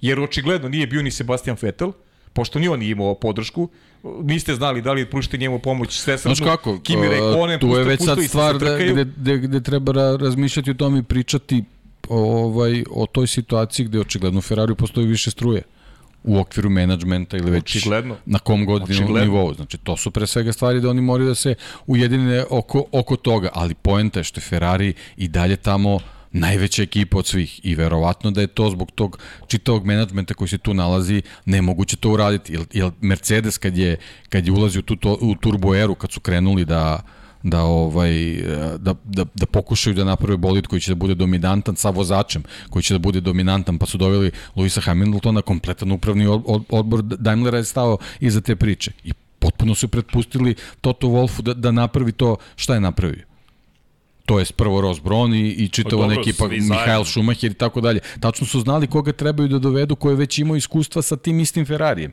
Kako treba da se postavi ekipa i ko su ključni Jeste. ljudi, kako se pravi casting Ljudi, se, da bi došao do setite toga. se kako su otišli Alonso i Vettel iz Ferrari. Tako je. Da. neslavno. Setite se kako su otišli iz Ferrari. Neslavno. To, to, je, to je sad trenutno situacija u kojoj je E, Charles Leclerc. Ali, e, ali e, on je to je taj to. koji to mora promeniti. Ja, samo ti- ali E, pazi Ferrari se neće promeniti u odnosu na vozača. Samo te pitam, da li su promenili nešto Alonso i Vettel u Ferrari? Nijedan vozač nije iznad Ferrarija. Nije. A da li, je, da li si čuo nekada, evo pritamo Sebastian Vettel, za njega sećam, da je reagovao, da, da, je, da je dovodio pitanje strategiju Ferrari? Se sećate neke trke gde, gde je Sebastian Vettel dovodio pitanje strategiju Ferrari? Jeste. Jeste kad je počeo da, da menja, znaš kada, pred kraj karijere u Ferrariju, kada je počeo sam da piše svoje strategije. Pred kraj karijere kada je više Ferrari nije mogao, to on misliš on je. krepa, Tako taj, je. to je bilo gotovo Pa ne, priča. ne, i ma- malo i pre toga, seti se onog momenta i, i posle Kanade i tako dalje, gde je počeo da govori, ne, prošli put sam rekao to da ne radimo, Ja se, ja to se radili. ne sjećam da su Fernando i Alonso, Fernando Alonso i Sebastian Vettel imali drugačiji pristup u odnosu na Charles Leclerc. A Charles Leclerc neko ko nema Fernando titulu. Alonso jeste. Fe, fe, jeste, jeste. Jeste. Charles Leclerc je neko ko nema titulu, ko nema ime i Ne, prezime, ali nego je Sebastian klinac. Vettel je promenio to. Vettel je u jednom momentu rekao, ne, od sada ja pišem strategiju. Ne pišem, sad ću u sred trke ja da vam kažem šta će da se dešava. Bukvalno je preuzeo kontrolu nad ekipom na taj način, ali, ali čak ni tada nije Da. imao adekvatnu podršku. To je- I to ono je u se desilo, ključno. Mislim da si ti 100% u pravu, ali svi smo ovde u pravu, to ti je ironija situacije. Jer onoga momenta kada je Vettel podigao bunu, oni su ga sklonili. Ćao, kraj priče. Jedini čovek u istoriji, ne, dva čoveka u istoriji Ferrarija su imala tu moć. Jedan se zove Niki Lauda, drugi se zove Mihael Schumacher. Nije ni Niki Lauda. Nije ni Niki, Niki Lauda kad je odlučio da ne vozi trku u Fujiju, više nije bio član Ferrari. to je to. Dakle, samo Mihael Schumacher. evo On je da. jedini koji u Ferrariju bio protiv toga da se vozi ta trka. I on od tog trenutka više nije bio Pa u kako Ferrari. i, kako i Fangio otišao ti je to. u krajnjem slučaju, da kad pričamo. Pa, svi su Pa ne, dobro, to je, to je sad priča vezana za. Enca, za Enca Ferrari, ali Enzo Ferrari tad bio neko ko je bio na, na, na tom vrhu. čelu i to odlučiva. Sad očigledno da postoje struje. Ali- ne, ne sad, Ali, nego ali Paja je u pravu u tom od, kontekstu. od vremena Mihajla Šumahira. Od Mihaela Schumachera. Mihael Schumacher je jedini, a i on je stekao tu poziciju da dođe da kaže Zato što je napravio ovako, svoje jezgro koje je je, funkcionisalo. Tako je, moraš da imaš, ljudi, mora da imaš ime i prezime da bi ti Ali moraš se izboriš da za budeš to. ime. Da, ali to je proces. Deki, proces. Ne možeš ti to Proces, da radiš. ali- a znaš šta je Ti si problem? Charles Leclerc. Problem je što- Ti Sebastian Vettel, Sve- Fernando Alonso. Pa, Pa Fernando. Alonso kad je došao nije bio niko. U Ferrariju? Ne, u Renault. U Renault, a ja pričam ti o Ferrariju. Znaš, pa, Pričamo o Ferrariju. dobro da, ali poenta je izgraditi se. Ja, pazi, ti, ti nemaš veći autoritet e, nakon Alonsa i Fetela od Leclera u Ferrari. Nemaš real, nemaš boljeg vozača od njih Pa dvojice. nemaš, tako je. Je li tako? nemaš. je. Ali, ne, ali nemaš ništa iza sebe. Vanja, jesi zadovoljan? Tako je. Specijal zvani Ferrari. I muke po Ferrariju. Ali evo, ja sam novi vozač Alpine, da vam pomognem. Brzinu koju oni menjaju vozaču u poslednje 24 časa, to je jedna od glavnih tema i o Ferrari ljudi možemo pričamo još dva sata najmanje, vjerojatno bi trebalo, ali ljudi, šta će da se nešto promeni? Pa neće se Neće da promeni, se pričamo, promeni. polemišemo, Tragedija. smo tu da pričamo. Ali se zabavljam, meni je makar zabavljam, A, ja ne znam da da li tebi, deki. Kome Pa zabavljam, ne, nema šta, like. jedini spasi mi superstar poput Mihajla Šumehera sa takvim A ko je talentom. to i- trenutno? Pa ne, ne, nema, nema takvog vozača trenutno. Moj kački, kaže kački ti za mene. Šta, Lewis Hamilton da dođe u Ferrari, misliš da bi se promenile stvari? Ne. Ja ne vidim da čak, čak ni Lewis Hamilton ne vidim da može da promeni tu vrstu postavke koja trenutno postoji Ja isto, ja slažem s Dekim, da, da trenutno ne može. Možda perspektivno ovaj momak što je sad lider u šampionatu, ali trenutno ne. Trenutno ne, ja ne Da. vidim volju u Ferrariju da se Pritom, oni suoče pritom on trenutno, momak nema, nema potrebe da, da, da, da silazi sa konja koji je najbolji. Pa, zašto? Da, pritom, znaš, za razliku od Schumachera koji je doveo Benetton u Ferrari, Da. Max Verstappen teško da će Red Bull dovesti, posebno Da, ma ako naravno. Porsche dođe tu, Pa evo Red Bull dovodi Mercedes ta u Red ekipa, Bull. da, da, da. Pa, opet su angažovali Da, ljudi iz da, Mercedesa. da, da, da, da, i apropo, da. mi imamo Eto, tako i to je, mnogo. da, to, i Eto- taj deo smo zaboravili. Ili bio prelazni rok? Bio Zašto prelazni rok. Ferrari ništa nije uradio po tom pitanju? Ah, zato što moraš da angažuješ ne Italijana, a oni su jasno stavili da to ne žele. Jedno I su ovih tako par dalje, i tako dalje, i tako A dalje, zašto? I da. sad tu dolazimo opet na priču. Ako pogledaš, šta imaš Italijani i Španci? Vrlo malo ljudi koji nisu iz Italije ili Španije. I da, gospodin Injaki Rueda mi je u glavi. E, Sportski i strateški direktor Ferrarija. Nit sporta, nit strategije. Tako je. Ali dobro. Raspisujemo konkurs. Ima još jedna stvar. Vanja, vrati Pirelijevu Ko u grafikon. mesto Injakije? Vrati Pirali, ko? Pavle Živković, ja ti kažem, na titula lagano ide u Maranello. Obratite pažnju kada Max Verstappen menja svoje pneumatike. Pri čemu nemojte da se vodite Russellom. Russell je nevažni Russell u ovom trenutku kada menjaju gume daleko, daleko ispred. I moram ti kažem, mnogo mi je bilo lepo kako smo radili ovaj prenos. Ja iskreno Slušaj, ti ne kažem, pričam to najiskrenije, često, ali ja isto sam se ne dobro pričam, ali osjećao. smo uradili mnogo dobro prenos. Ja se Evo, baš dobro osjećao. Deki neće da nas hvali, ali mi hoćemo. Jeste, sve smo lepo. Profesor ko potkonjak ima primetbe, ali... Nemam primedbe, ne, ne, samo šalim se, šalim se. ne. Da. Ne, ovog puta baš sam ponosan jer smo se baš pripremali i bavili i gledali šta Ne, se bavili, događa. bavili smo se trkom lepo. Baš. Da. I lepo I- smo izanalizirali sve. Šta je bilo očigledno, makar nama dvojici? Verstappen kada se zaglavi iza sporijih bolida, odmah ulazi se u odmah se ulazi u garažu. Jedan krug mu daju da pokuša da Da, pretekne. ulazi su uz garažu, uz matematiku, da kad se izađe na stazu, da ima tri čista kruga. staza. Tako je. izlazi, da. Koliko puta se desilo se Ferrari i vozači zaglave Iza zato što nekoga. zakazne dve sekunde u Tako zameni, je. zato što je loše proračunato kad će da uđe i tako dalje. Izvini, tako ko je dalje. najbrži sada tim ove godine u zameni guma? Red Bull. 2 sekunde 19 stotih.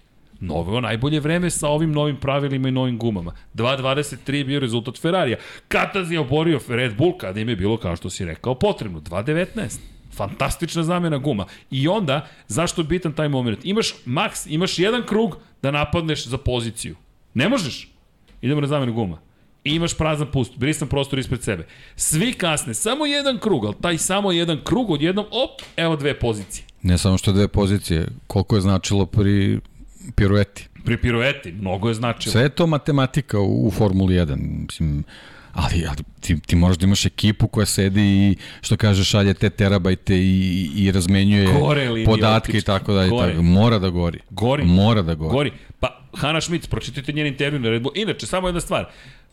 Pozdrav za našu dragu Šejlu Čebirić. Pominjao sam Šejlu kao inspiraciju svim damama, svim, go, go, svakoj gospod, svakom gospodinu, svakom detetu da se školuje i da može da ostvari svoje snove. Samo da napomenem, Šejla me zvala i rekla, molim te, ljudi me hvale za strategiju. Ja nema veze sa strategijom.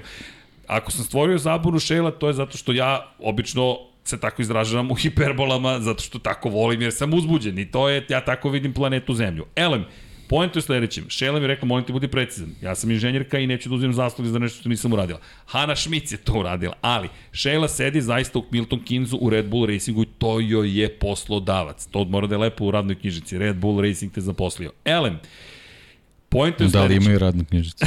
da, mm, da. da. elektronsku. koja radi. Elem, dakle, da dođemo do Ili sledećeg... su ruka ruci. Pa pazi, tamo i reč je da. ugovor.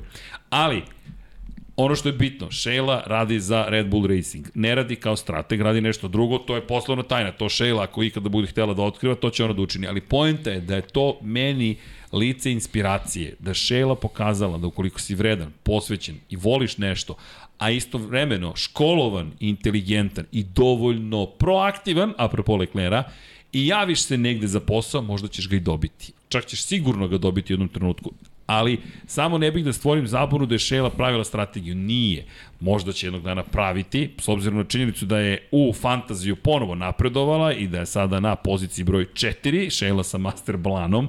Inače, iza Luke i Saše, vodeći mačak from Posle Čačak aj, Miloš P. Samo da konstatujem koliko je dobro. Posle ćemo, ali ništa drugo. Tako da znate, Hana Šmic je devojka koja sedi na zidu sa Kristijanom Hornerom i što ona kaže, kada spusti ruke ovako, to znači da razmišlja ozbiljno razmišlja, čak ju je i Max Verstappen spomenuo na zvaničnoj preskonferenciji kada se trka završila. Samo da, eto, konstatujemo te momente, to su momenti I ingenioznosti. po, poenta je što ta, tih genijalnih taktičara nema puno u Formuli. Tako 1. je. I ti kao jedna od najvećih ekipa, pričamo o Ferrariju, moraš da uradiš sve da jedan od njih dođe kod tebe. Tako je. Da kažeš, To Hana, je posao. Ali ne da gledaš da li je italijanka, meksikanka, Tako je. meksikanac, španac, francuz, nebitno je potpuno. Njima treba najbolju u tom trenutku što mogu da priušte ako Naravno. hoće nešto da urede. Pa kad praviš tim, gledaš da vidiš najbolji Znači, igrače, a ne... Uspeo si napraviš Odakle su- dobar automobil, Tako to je super, ali to je samo jedan deo. Sve u svemu, Max Verstappen 258 poena, 178 Charles Leclerc, Sergio Perez ima samo 5 poena manje sada od Charles Leclerca na trećoj poziciji u šampionatu, George Russell je 158 ili ti samo 20 iza Leclerca, 2 poena manje sada ima Carlos Sainz, Sainz izgubio četvrto mesto u šampionatu vozača.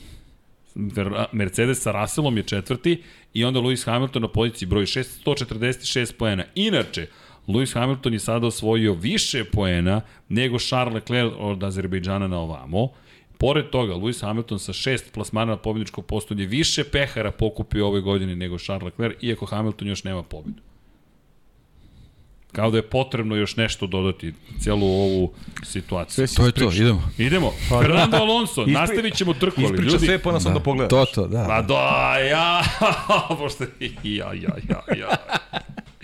Ja, ja, ja, ja. Ne, ne, pa ne, lepo si rekao, ba, stvarno, mislim, Da nema, nema, nema zaista? šta da doda, zaista. Ne znam šta, i još je dobio, ima najbrži krug trke. Drugi najbrži krug trke za Hamilton u poslednje četiri trke. Jeste, sjajna završnica i, eto, rekli smo, da nije bilo kvara DRS-a, ko zna kako bismo trku gledali. I šta ćemo ljudi sa Fernandom Alonso?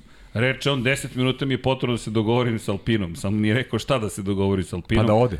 To, to je rekao u četvrtak, u ponedeljak, A bombastično. to je ono što ja tebi govori stalno, nemoj da Nemoj da čitaš si izjave, naivan. pusti A ja sam. Charles Leclerc, ti si Carlos Sainz. Pa da, pa to ti kažem. Ja verujem kad neko kaže, ako, pa evo, rekao čovjek. Rekao Fetel neće da se penzioniše. Bukvalno sam to izjavio. Evo, evo rekao čovjek, neće se penzionišem, ostajem još godinu dana u Aston Martinu. Šta sam ti ja rekao? Šta, rekao si mi, Srki, nemoj da si naivan. Hmm. Bukvalno tim rečima, nemoj da si naivan. A, a sada ko, možda, možda Fetel dođe u Alpinu sad. Pa, izađe iz penzije.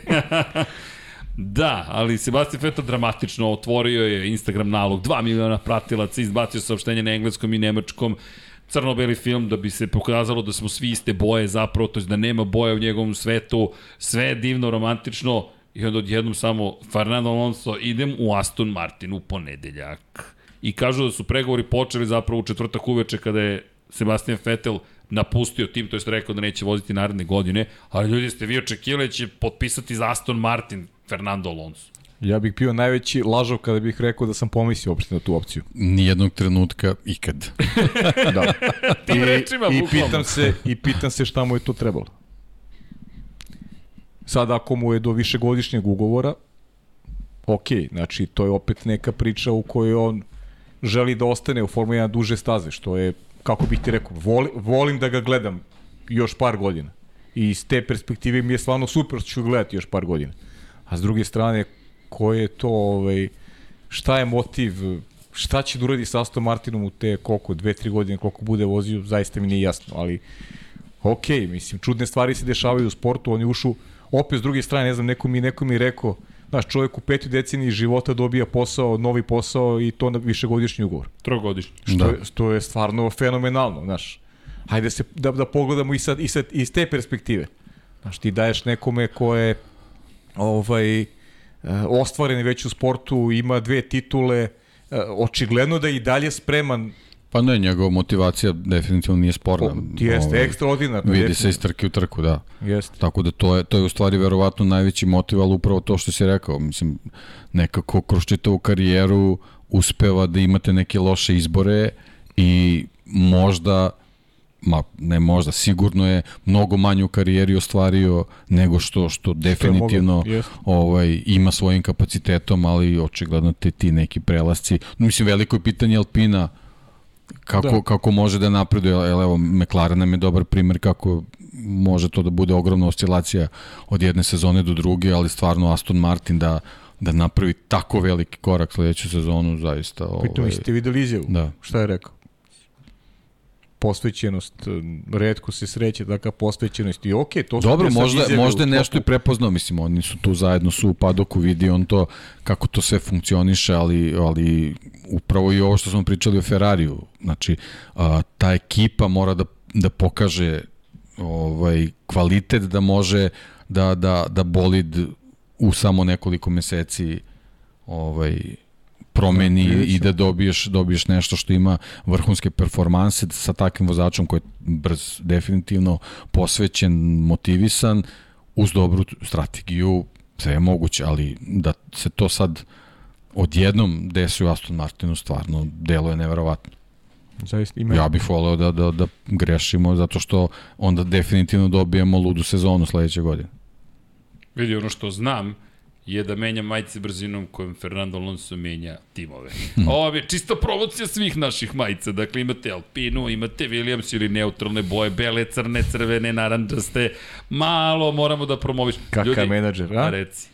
A, ja menadžer, ja sam egzekutor, ja da sam dobio zadatke, ali malo šarenolikosti, molim vas, u studiju na kraju univerzuma, shop.infinitylighthouse.com, zvanične majice Lab 76, kao da postoji nezvanično. Ja, ako postoje neka, postoje, mi se ne volimo.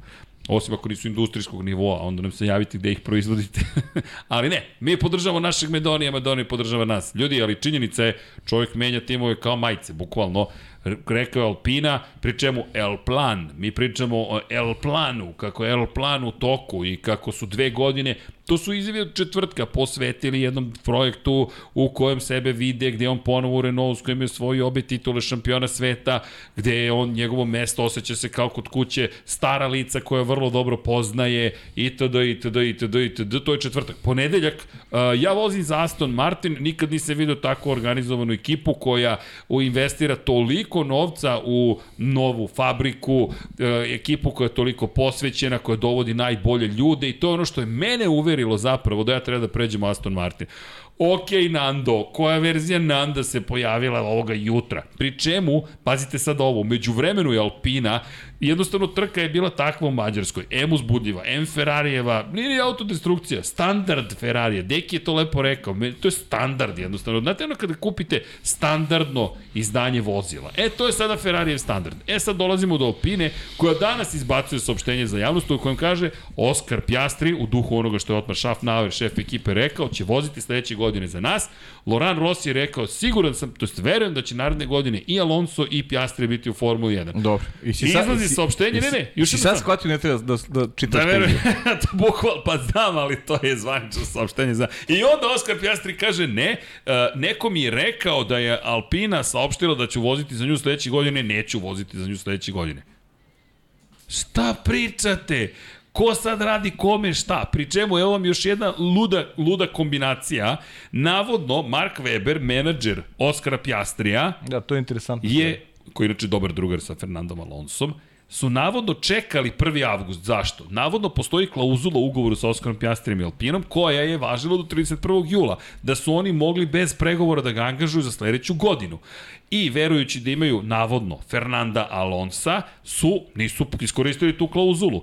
1. avgust je došao, klauzula je prošla, a Alonso je prošao, otišao Aston Martin, Oskar Pjastri vozi za nas, a Oskar kaže ne, Ja mislim da su pregovori počeli. To ne znači, citiram Paju, nemoj da veruješ svemu Pa što znaš da pročitaš će da vozi Oskar Pjasi naredne godine? u Alpini, Pa naravno. ali samo po drugim uslovima. Tako je. Koji Pa- su bolji pa za njega i njegovog će da vozi? menadžera. Gde će da vozi? U Williamsu. Sumnjam da će Aj- Teti Williams pre Alpina. I za njega ne bi da vozi za Alpinu. Ali, Deki, kako ti tumačiš ovo? Čekaj, zanima me tvoje mišljenje u celoj Šta ovoj... ti misliš da će vozi Ma meni je to sve mnogo sumnjivo. Pa dobro, jeste. to je, ja. Ali šta misliš da će voziti Oskar Pjasi naredne godine? Pa nemam pojma, ali plašim se da može se desiti da ne može nigde.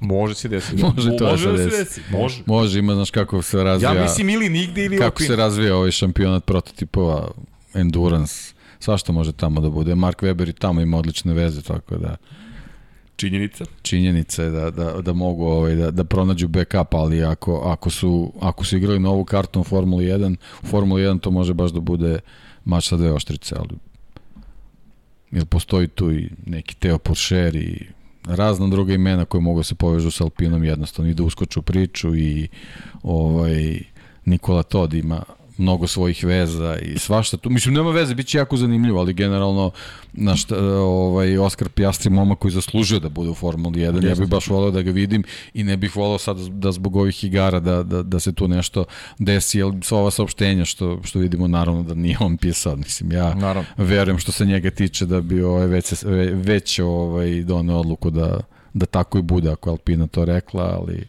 menadžeri se ipak pitaju. Tako da, da, da ovaj, vidjet ćemo, ali generalno sve mi je onako baš mi sumnjivo i neka, neka dobra kombinacija igre u čitoj priči. A, Jest, a, jest. ali evo ti igra u duhu tvoje majice, koja nije samo da se može da se koristi za Red Bull, već može i za i za McLaren. Navodno je Piastri nešto dogovorio zajedno sa Markom Weberom sa McLarenom za sledeću godinu, uprkos izjavi Daniela Ricarda da ostaje naredne godine u McLarenu i da želi da obavi do kraja svoj ugovor trogodišnji sa britanskim timom. Inače, Otmar Schaffnauer je našao za shodno da se oglasi povodom prelaska Pjastri u McLaren i Možda, rekao možda je... Lando ide u Ferrari. Umesto koga? Šak. Umesto šak. koga? Pa Čekaj, lupam, čekaj. šak. Pa Umesto lupam, koga? stvarno lupam, da. Ali, s druge strane, imate situaciju sledeću. Dakle, Schaffnauer je rekao, ne znam šta se Oscar dogovorio s McLarenom, ali mi imamo opciju za njega ne samo za 2023. nego 24. Ali to je Schaffnauer izjavio baš. Tako, to, pa On je baš preneli izjavio, mediji, da, on je to baš izjavio. Šta može da bude opcija? Isto prototipovi. Može. Prototipovi, kako viš kako Pa Alpina, Alpina je ozbiljan, Ozbiljan. automobil tamo. A evo Monca, Peugeot se pojavio, Alpina je već prisutna, Francuzi su vrlo aktivni. Inače, pozdrav za našeg dragog, voljenog Hasana Bratića. Hasane, šta kaže Hasan? U subotu uveče, u Špilbergu, gde je Hasan bio, je Stroll pozvao Alonso na večeru. U Špilbergu. Sad, Pa, je, pa, vrlo, pa to ti kažem. razumeš? Ko zna kad je to, ko zna kad je priča krenula. A dobro, Hasane, što ti to nama javljaš sada? E, to je posebna čekaj, priča. Hasane, šta je, To je sad? posebna- Čekaj sada. A nalepnica za skutera, ovo, a ono, sve si obezbedio, a nama da daš ekskluzivu, stvarno. Žalim se, pozdrav za Hasana, d- predivnog jednog čoveka i hvala za sve što činiš za nas, ali... A, a, činjenica- ali nam odgovori zapravo. Odgovori koleginici iz prodaje. Ali činjenica je zaista da smo došli u situaciju da se kolo odjednom okrenulo na glavačke. Šta sad to znači? Šta će Pjastri da zameri Ricardo? Pa gde će Ricardo? Šta će Ricardo nazad u Renault, to je Alpinu? U NASCAR. U NASCAR. Ej, Dani Kvijat je vozio na, u nas. Pa ne, Bolje da nije. Bolje da McLaren, nije. McLaren ima ovaj široku lepezu svojih Isto, automobila. evo ga, deki. Tako da može da bude. Da, Deki, Deki gledao, kao da. menadžer, gej, A, vidi, ta, znaš onaj tajkun menadžer, vrti kao na Hana Schmidt, spustio ručice Pa, Ricardo i ćemo ovamo, ovo ćemo, gurnemo tamo. igra šah, a ovaj, ove, ovaj će da To je nova, nova budućnost autosporta. Jeste. Ne, nema vezivanja za jedan šampionat i jednu disciplinu. Imaš IndyCar, imaš Endurance, to je trke izdržljivosti, imaš Formulu 1 i imaš električna vozila, da li Formulu E ili ideš u pustinju, ali to ti je de facto nekih pet opcija koje su ti na raspolaganju. I to je to. I to je to. Pri čemu Williams... Dobro, idemo se. Znaš ko, ve- znaš ko slavi danas? Ko? Nikolas Latifi. Nikolas Latifi. Nikolas, ne, ne priča se o mom sedištu On više. slavi od kad se rodio. da. Ne priča se o mom sedištu, ja sam Miran makar ovih Pa toga. Miran čovjek bio četiri najbliži na treningu, što hoćeš? Bio najbolji. Čekaj, Znaš ka, trening broj o, tri, znaš šta, najbolji Latifi. Latifi i, i Russell su ovaj, bili mnogo Blizanci. dobri, a pomislio sam zato što su oni su na stotine krugova vozili na Hungaroringu kao test, test vozači što Renaulta, što, što Mercedesa. Tako da mogli su oni žmurečki da to izvezu. Tako da ovaj, svi ti rezultati nisu slučajni. Ni Rasela, ni, ni ovaj, Latifija. Svako ima svoju stazu. Svako ima svoju stazu. Da, svako ima svoju stazu. Vidjet ćemo Latifi možda da se, da se nađe u nekoj do, nekom novih šampionata. Ne bi bilo iznenađenje, kao što si rekao, da nastavi svoju trkačku karijeru, ali zaista njegovo mesto sad odjednom postaje vrlo čudno. Uz Alex Albona mi smo očekivali Oskara Pjastrija de facto. Ako s Pjastri dogovorio s McLarenu, nema pojma ko će u Alpinu. Alpina možda, možda Teo Puršer na kraju dođe u Alpinu kao opcija. Meni je to odavno već viđeno opcija. u pa suštini. da, pa da, da. pri čemu sad Ali on se tu pokvario priču. Ne? Tako je. Uri, Alonso je sada poremetio da. sve što je bilo već postavljeno, pri čemu to nije tako jednostavno. Zauberova akademija, moraš da trguješ, koga ćeš da daš, koga ćeš da izgubiš, ko će da dođe Ma ovde. da, ali, ali i ovi brendovi koji su sad u igri sa, sa kupovinom akcija i oni se pitaju koje će vozače da dovedu. Audi, Porsche, tako dalje, tako dalje. Neko možda nije u njihovoj igri. Ali Porsche preko, koji- preko, ali preko Marka Webera, Oskar Piastri je verovatno ima neki link s Porscheom. Tako da, da pri svašta to može da bude. Da, izvinite, za one koji ne znaju, Mark Weber, za koga je vozio u trkama izdržljivosti? Porsche. Za Porsche. Šta je uradio s Porscheom? Svašta. Titul, svašta, pobeđivao, vrlo bio vrlo prilično uspešan. Tako da veza jeste snažna, a Porsche je kupio 50 od, a to je prošle nedelje bilo sjajno. Mi završimo podcast u sredu, izlazi informacija Porsche kupuje 50 od Red Bulla.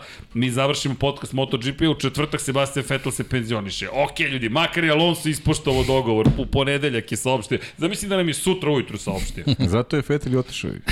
na, na, misliš Pa zbog, zbog Marka Webera. Zbog Marka, misliš Markova osveta je konačna i hladna Nema je. više konekcije s Porscheom nikakve. Da, ali zaista se mnogo toga Šalim zapravo da, promenilo jeste, ovih, desilo ovih se, nekoliko da, dana. jeste, mnogo, jeste. to su tektonski A pritom mi ne znamo neke stvari, ne možemo da je predvidimo šta će se dešavati. Nemamo pojma. Ja stvarno mislim da će Piastri dobiti šansu u Alpini sledeće godine. Evo, dobili smo pitanje, da li mislite da će hteti Alpina da ga zadrži uprkos ovoj izjavi? Ljudi, Ma kak to? To, To nema veze. To je, ljudi, to će se zaboraviti da To su... je samo kao politika. Da nije, ma da. bukvalno to je samo politika, pri čemu Oskar Pjastri je vrlo tražen talent. On je momak koji je ljudi osvojio titulu. Opet kaže ljudi, kao što govorim i sređe, nemojte mnogo da uzimate za ozbiljno. Hvala ti. to što pročitate, tako da to se zaboravi. To je dnevna stvar. Ali činjenica je, kada pričamo o onome što se desilo ovih poslednjih nekoliko dana, ogromni su zaista poremećaj, jer ovo menja sliku onoga što se dešava sledeće godine. Ako vam nije dovoljno informacija, Honda je potvrdila da nastavlja strateško partnerstvo i saradnju sa Red Bullom do kraja 2025. Inače, Honda koja je zvanično izašla iz Formule 1, ali što bi rekli amerikanci, potato potato. Dakle, nije Honda, već je HRC, ili ti Honda Racing Corporation, tako je proizvodi dalje motore za Red Bull, do kada, dok Porsche ne napravi prve motore za 2026. Pa dobro, je Honda izašla onda iz šampionata sveta ili Honda nije izašla iz šampionata sveta? Ne, nije izašla, ali je izašla. Pa sad, protumačite to kako ga želite. Neko je napisao na Twitteru semantika. Da, ali vrlo bitna semantika, pri čemu je Honda rekla, ne isključujemo da ćemo se 2026. vratiti kao fabrički tim, jer Formula 1 je toliko popularna. Inače, ljudi, ko želi u Mađarsku sledeće godine, karte su u prodaji. Od juče da znate, staza Hungaroring, zvanični sajt posetite, stavila karte za veliku nagradu Mađarske u prodaju. Nisu sve u prodaji, ali imate dobar doj, broj koji u prodaji i neke su već rasprodate. Ako iko sumnja u posećenost koju ćete imati naredne godine u Mađarskoj, gde smo imali montažne tribine i 290.000 ljudi za 3 dana, nemojte. Rasprodaće se karte i za sledeću godinu, evo mi vam sad kažemo, danas je 2. avgust 2022. Ukoliko gledate u bliskoj, a dalekoj budućnosti, možda čak idite sada na sajt Hungaroringa i obezbedite ulaznice. Bukvalno takva je jagma za ulaznicama sada, a ovo mi je deo marketinga, sada izbacimo ulaznice, onda vi pojurite, onda neko kaže, vidi, već su ljudi pojurili, onda se Pa da, stvori tako frka. to ide, to Tako to, to, ide. to je Ali to. to je točak koji se vrti i zavrteo se. Jednostavno se zavrteo. Tako da znate da će popularnost samo da raste, što naravno svima odgovara iz perspektive toga da se eventualno vrate u šampionat, a kada je reč o Audiju, čekamo te informacije o Zauberu, da li će uspeti da kupi da. 75% ili ne. No, Honda dakle potvrdila. Alpina ima vozače, ali nema vozače. Alonso ostaje možda čak tri godine. Priča se da je trogodišnji ugovor potpisao sa Aston Martinom. Pa, tri godine. Zna, znaš šta su tri godine? To je 2023. četvrta, peta. Doći će do nove ere motora. Trka Sa klauzulom da potpiše novi ugovor. Čekaj, do 50. On je napunio 41 godinu sad. Da, srećen rođendan Fernando. Dakle, 42. To mu je bio poklon za rođendan. Sa 44 će da završi karijeru u najboljem slučaju. Kevin Harvick. Pa da, Kevin Harvick. I on je rekao, želim da priča, To je, to je, znaš, to je fenomenalno. Kada si imao taj primjer da neko u petoj deceniji dobije trogodišnji ugovor? Nikad. Je... Pa moguće da je to bilo ono što je prevagnulo. Ne samo novac, ja verujem da je dobio i ozbiljnu količinu novca, ali sam skeptičan. Pa ja iskreno ti kažem, mislim da, da je nekako to i prevagnulo. Evo, ovaj, Miloš ja Mađar šalje, šalje tweet Markusa Eriksona. Da. Hvala Miloš i, i, i pre ovaj nekih njegovih uh, prognoza napisao kaže uh, Markus Eriksson posle Alonsovog srednjeg prsta Alpini. Silly season izgleda ovako. Njego, njegova ovaj, pretpostavka sledeću godinu. Alpina, Okon i Gasly. Opa. Alfa Tauri, Schumacher, Cunoda McLaren, Norris, Piastri. Alfa Romeo, Bottas, Zhou. Haas, Magnussen, Ricardo i Williams, Albon, De Vrij De, de, opa, e, Nick De Vries. De, de, de, de, da, to je, to je prognoza Markusa Eriksona. Pazi, to što nije da uradim jedan print screen. da, da sačuvam ovo. Bravo, sačuvam. Ne, ne, da sačuvam ovo, da, da. Ne, ali vidi, Hvala to Miloše. je odlično. Da, zapravo to ima dosta smisla. Kada sve sabereš, sada ima dosta smisla zapravo. Pjastri, i ne Pjastri, Gasly u francuskom timu. Alfa Tauri verujem da ne bi imao problem da ga proda, pozajmi kako god, otvori sebi prolaz za još nekog vozača. Koga, su, koga je stavio Alfa Tauri? Kao drugo? Schumacher. Alfa Tauri, Schumacher i Tsunoda. Schumacher u Red Bullovom bolidu. Hm, pa ne, okay. kaže da, da bude silly season for a reason. Zato je ova kombinacija, da. Da, da. može. Da, da dobro, neke, da ne. su, neke su sulude, a neke... Rezona, da. ali dobro, da, ali da. okej. Okay. Ali Dobro, ima, ali zanimljivo, da. Svakako je zabavno. Pazi, mi nama se sve otvorilo. Pa zabavno je pogotovo što Eriksson taj koji prognozira. Tako da. Pobednik pet Samim tim, da. da.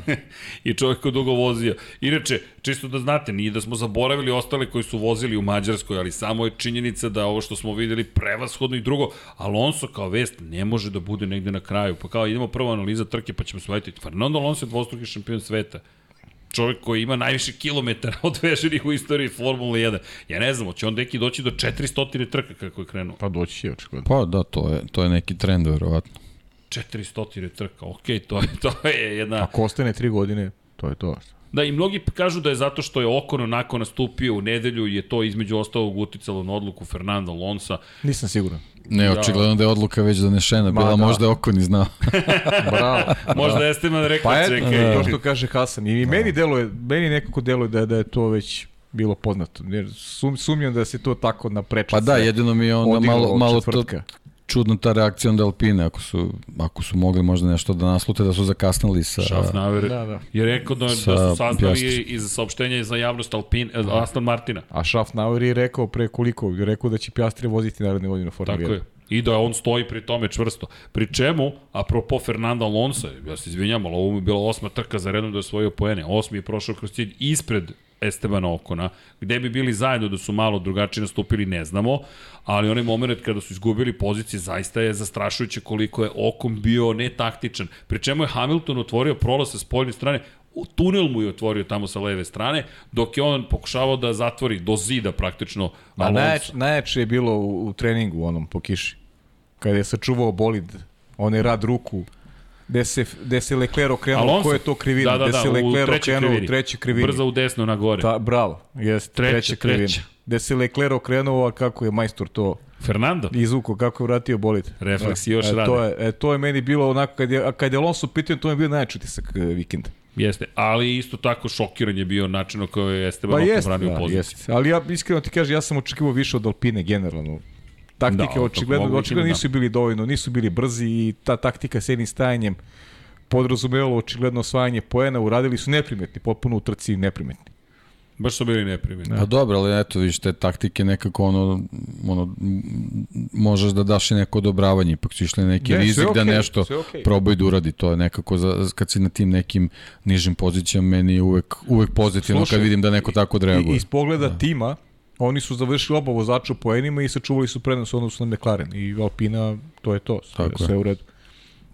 Nikakva kritika, nego pošto su oni neki, neku lestvicu su podigli i naših očekivanja, pa ali realno, Mercedes je sve bolji i ti sad imaš tu bitku za četvrtu poziciju McLaren Alpina, Haas i, i, i Alfa Romeo ne mogu da se ponavljaju, očigledno da. to više nije, su oni ekipe s početka sezona, nema tu ponavljanja, osvajanje po istrošili su se tako da, tako da e, vrlo jasno su stvari postavljene i mislim da ćemo dobiti tu razliku tačnije te bitke koje smo apostrofili do kraja godine. Da, inače, zahvaljujući Norrisovom sedmom mestu, Lando Norris je bio baš je bio dobar, bio odličan u kvalifikacijama za McLaren, ali u trci dovoljno dobar. Sad, da li je to ono što McLaren želi, ne znam, ali treće, sedmo mesto za redom, četvrta trka među osvajačima poena i dovoljno poena da anulira de facto ono što su postigli što Alonso, što je Esteban Ocon. Jednostavno šest poena, on samo osvojio četiri, Alonso dva i osvojio šest, šest. 6-6 i opet 4 poena prednosti za Alpinu na kraju cijele ove priče. Pri čemu da ne preskočimo Mercedes,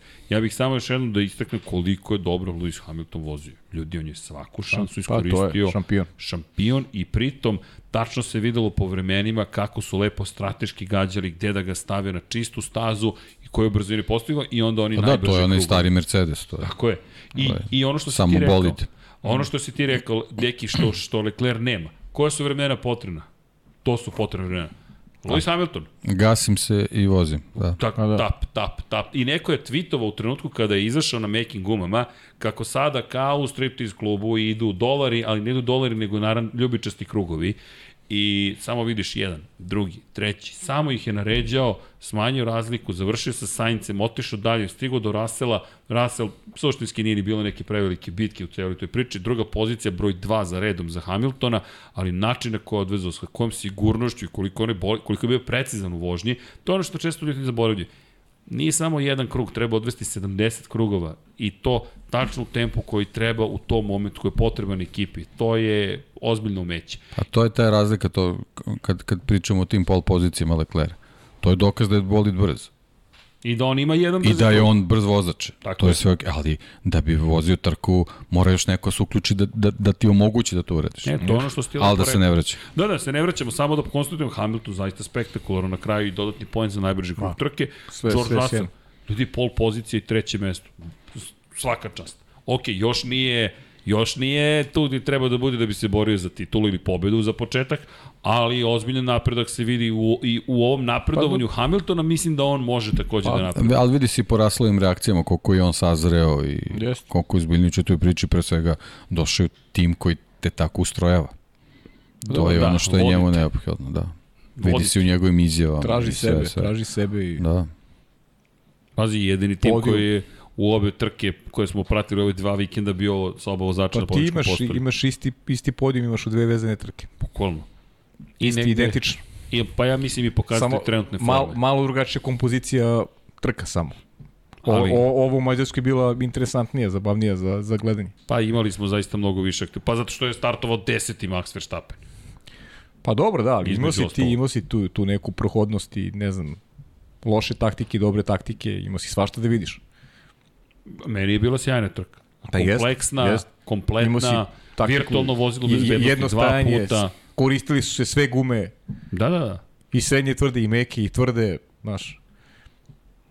Kompletan Prava događaj. Formula 1, prava Jeste, Formula baš 1. je bila lepa Formula Strateška borba, vozači i na kraju dva vozača koja su realno i najbolja.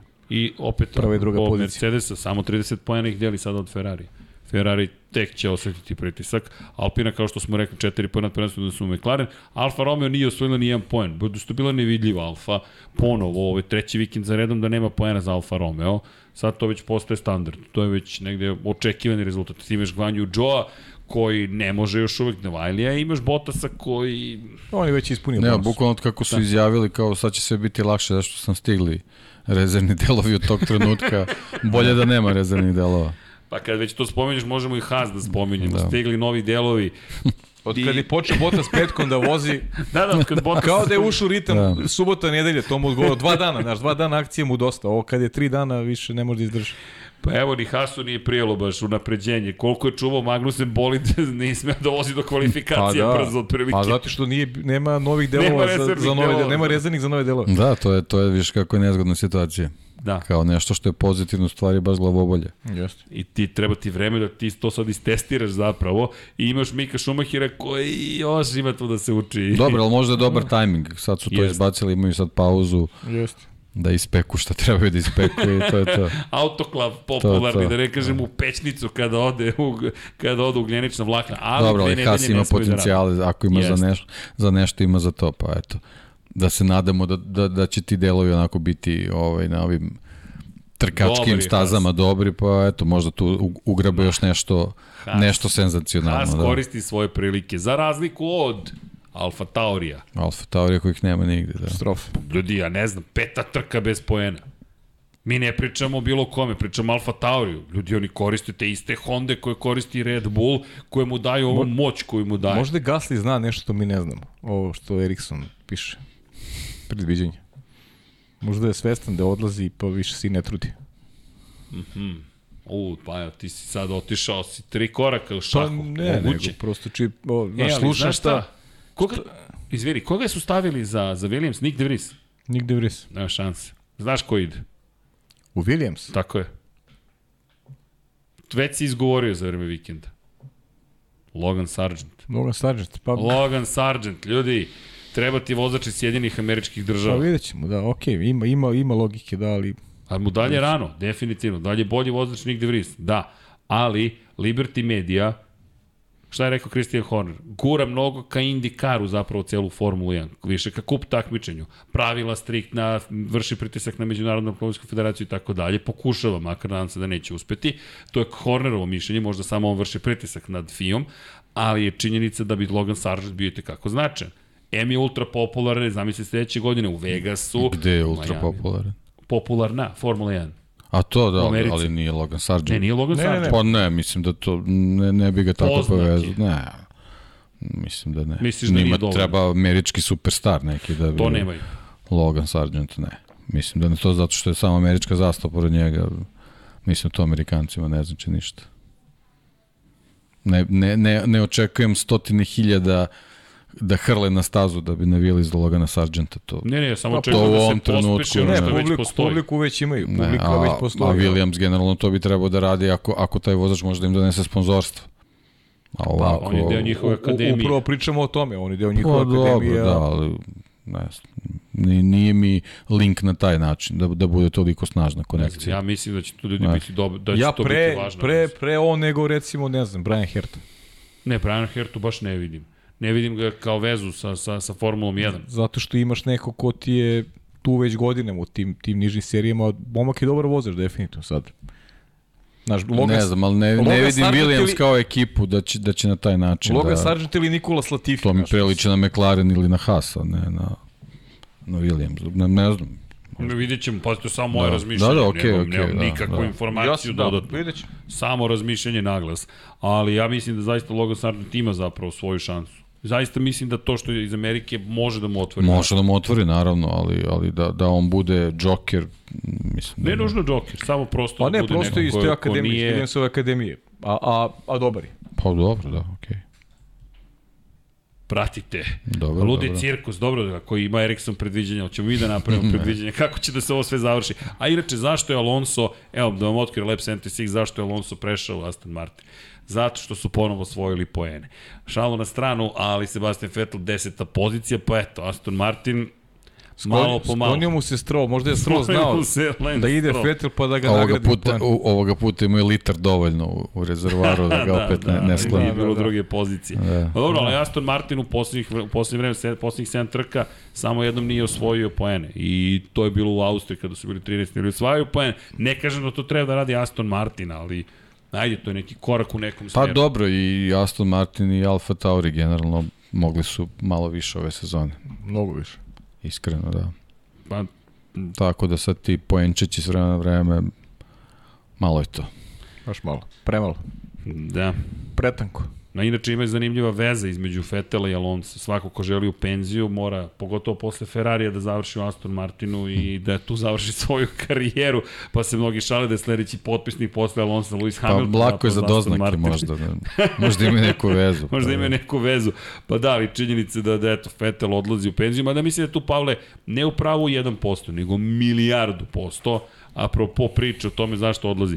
Jer moram nešto da kažem, da, kad neko nešto izjavi, ja im obično verujem. Rekli su ljudi, pa eto, to je zvanična informacija, ali Sebastian Vettel rekao sigurno ostajem i nema ga više, otišao je, vrlo brzo posle toga rekao pa ne, to čak ne spominju to što sam rekao, nema veze, to je onako, znate da, da nisam govorio istinu, manje više to kao da je stav, ali koliko god da priča o porodici, ja mislim da je Pavle u pravu milijardu posla. To je samo da je brz bolid, ja mislim da ne bismo danas pričali o penziji Sebastijana Fetela, pričali bismo o tome da se nastavlja karijera, pošto nije brz bolid, ovo je moment kada kaže Pa da, lepo. eto iskreno tokom karijere nije baš pokazano i da ume da ubrza bolid. fakat. Tako Fakat. da malo si on umorio od toga i sve je to okej. Dobro, ali ima uticije porodica sigurno. To, Pa to da ima, ali, ali ali nije ima- njemu porodica od pre mesec dana. On. Nije, dobro, Porodicu ima Dugović. Pa to, Jeste, deluje mi da je da. to, ali, ali s godinama počne da razmišljaš više, znaš. Ma Fernan- jeste, Fernando sigurno, ali on- Alonso on Fernando razmišlja- Alonso je malo drugačiji Ne, ne, situacija od Vetela, znaš. On je mnogo drugačiji, on, on, on živi za, za, za trke, Jeste. mislim, mnogo više od Luisa Hamiltona. Eto, Hamilton ulaže u razno razne stvari koje nemaju puno veze sa automobilizmom, a Fernando je definitivno, samo posvećeno ome. Ajde, je- možda nije samo, ali- 100%, ali, Ali trkanju je ali posvećeno. 95% je No, no, on se protažira vozače u nižim kategorijama, Da, da, da, da. ne znam, Nikola Colov, to gledamo u šampionatu Španije, Formule 4, bukvalno je štićenik Fernanda Alonso i on, ali se bavi trkama. Investicija Luisa Hamiltona u Denver Broncos, Da. da. to smo napisali, 99, 99 yardi, upoznajte Lab 76, Vanja, vidiš kako to ide, dakle, uskače se u, u NFL, ušao je u vlasničku strukturu tima iz američke, znači, Lige američkog futbola, NFL, Denver Broncos. Kako? Ne, ne, ali on ulazi u vlasničku strukturu. Da, ali ne, ja sam razumeo danas Ne, Denver samo Broncos dobije, da. su potvrdili da je deo Da. da. vlasničke strukture. Možda sam ja pogrešio. Aha, koja kupuje, izvini Vanja, nisam ispratio. Da, u svakom Ne, ja slučaju. koliko sam ja razumeo, sam to je razumeo da gotovo deo, sve, da. da, da je on deo Serena Williamson i ne znam ko je još tu. A Da. to je ona grupa pričali su i za, i za Chelsea su pričali. o- Da, a da, ekipa, Se da? ekipa koja nije uspela kupiti Chelsea je prešla u Denver. Prešla u Denver. Da. Da, da, da. Da, dogovorili su se Walton Penner grupa, ali to je Da. da. dogovoreno. Se misli da je nešto novo u pitanju. Ne, ne, ne, Da, da, da. oni su sada i on će biti deo te cele te priče, tako da će on biti jedan od suvlasnika. Mislim, samo konstatacija, apropo ovoga deki što je spomenuo, Hamilton zaista ima interesovanje i u svetu mode, sada i u svetu biznisa, da ne kažem menadžmenta, Alonso ne, Alonso želi da se trka. I tu bukvalno leži odgovor u svemu ovome što se događa sa Aston Martinom. I ono što si ti rekao, da, mora da kaže na kraju ovo je fantastično. Znači što Aston Martin zaista mnogo novca investira u tu fabriku koju oni prave. Sve što prave, zaista je ogromna investicija. Ja nisam siguran uspeh tog projekta, samo komentar, zato što mislim da način na koji Lorenz Stroll vodi tu ekipu, i to i bivši zaposleni negde su i pričali o tome, je dosta autoritativan, ali ne na način na koji možeš da ti uspeš u Formuli 1. Pa možda je moglo nekad, znaš, kad si na, ono, imaš šasiju, zakačiš motor, menjač, Tako je. Četiri Sada ne. gume, imaš dobrog vozača i to je to sad. sad U prevodu- tako, a opet se vraćamo na Ferrari, to je isto Prevodu priča. meša se i gde treba i gde ne treba. Pa da, i u prevodu kupi Adriana Njuija i možda ćeš nešto da da, uradiš pa to je sledeće sezone. A dok se, ne, dok da. se ne rodi neki drugi Adrian Njuj. Ali, ali zašto možeš da kupiš Adrian Newey da uspeš? Zato što ja mislim da su uslovi kod Adriana Newey-a upravo takvi da na kraju moraš da slušaš šta ti on kaže. Da. Moj utisak o Lorenzu Strollu u kontekstu vođenja tima Formule 1 je da on zapravo ne želi da sluša ljude koje je doveo na svoje pozicije, nego želi da im objasni kako oni da poslušaju šta im on kaže. I to je ogroman problem. Ja mislim da je A to nemoguća misija. To, to smo A da? pričali x puta i ranije, da. To, to je Jednostavno, to. ne možeš. To Ne su možeš, a, inženjeri i- a koji i su sve kao... priče gde tata dođe da vodi neku priču, to ne, ne može da, Pa, da to- prođe. A to je sad još jedna Od malog medalje. futbala i male dečice do, do nekih visokih kategorija. Da, ali Samo za, za, za Lensa Strola može da bude veliki problem dolazka Fernanda Alonso. kako će se njih dvojica uklopiti? Uklopiti i ako Alonso krene sa velikim razlikama po krugu, to može da bude problem. za Ali Strola. Ima još jedna stvar. U upravnom Alonso odboru, nije Vettel. Alonso je odgovara da ostane Stroll. Da. Da. Lens.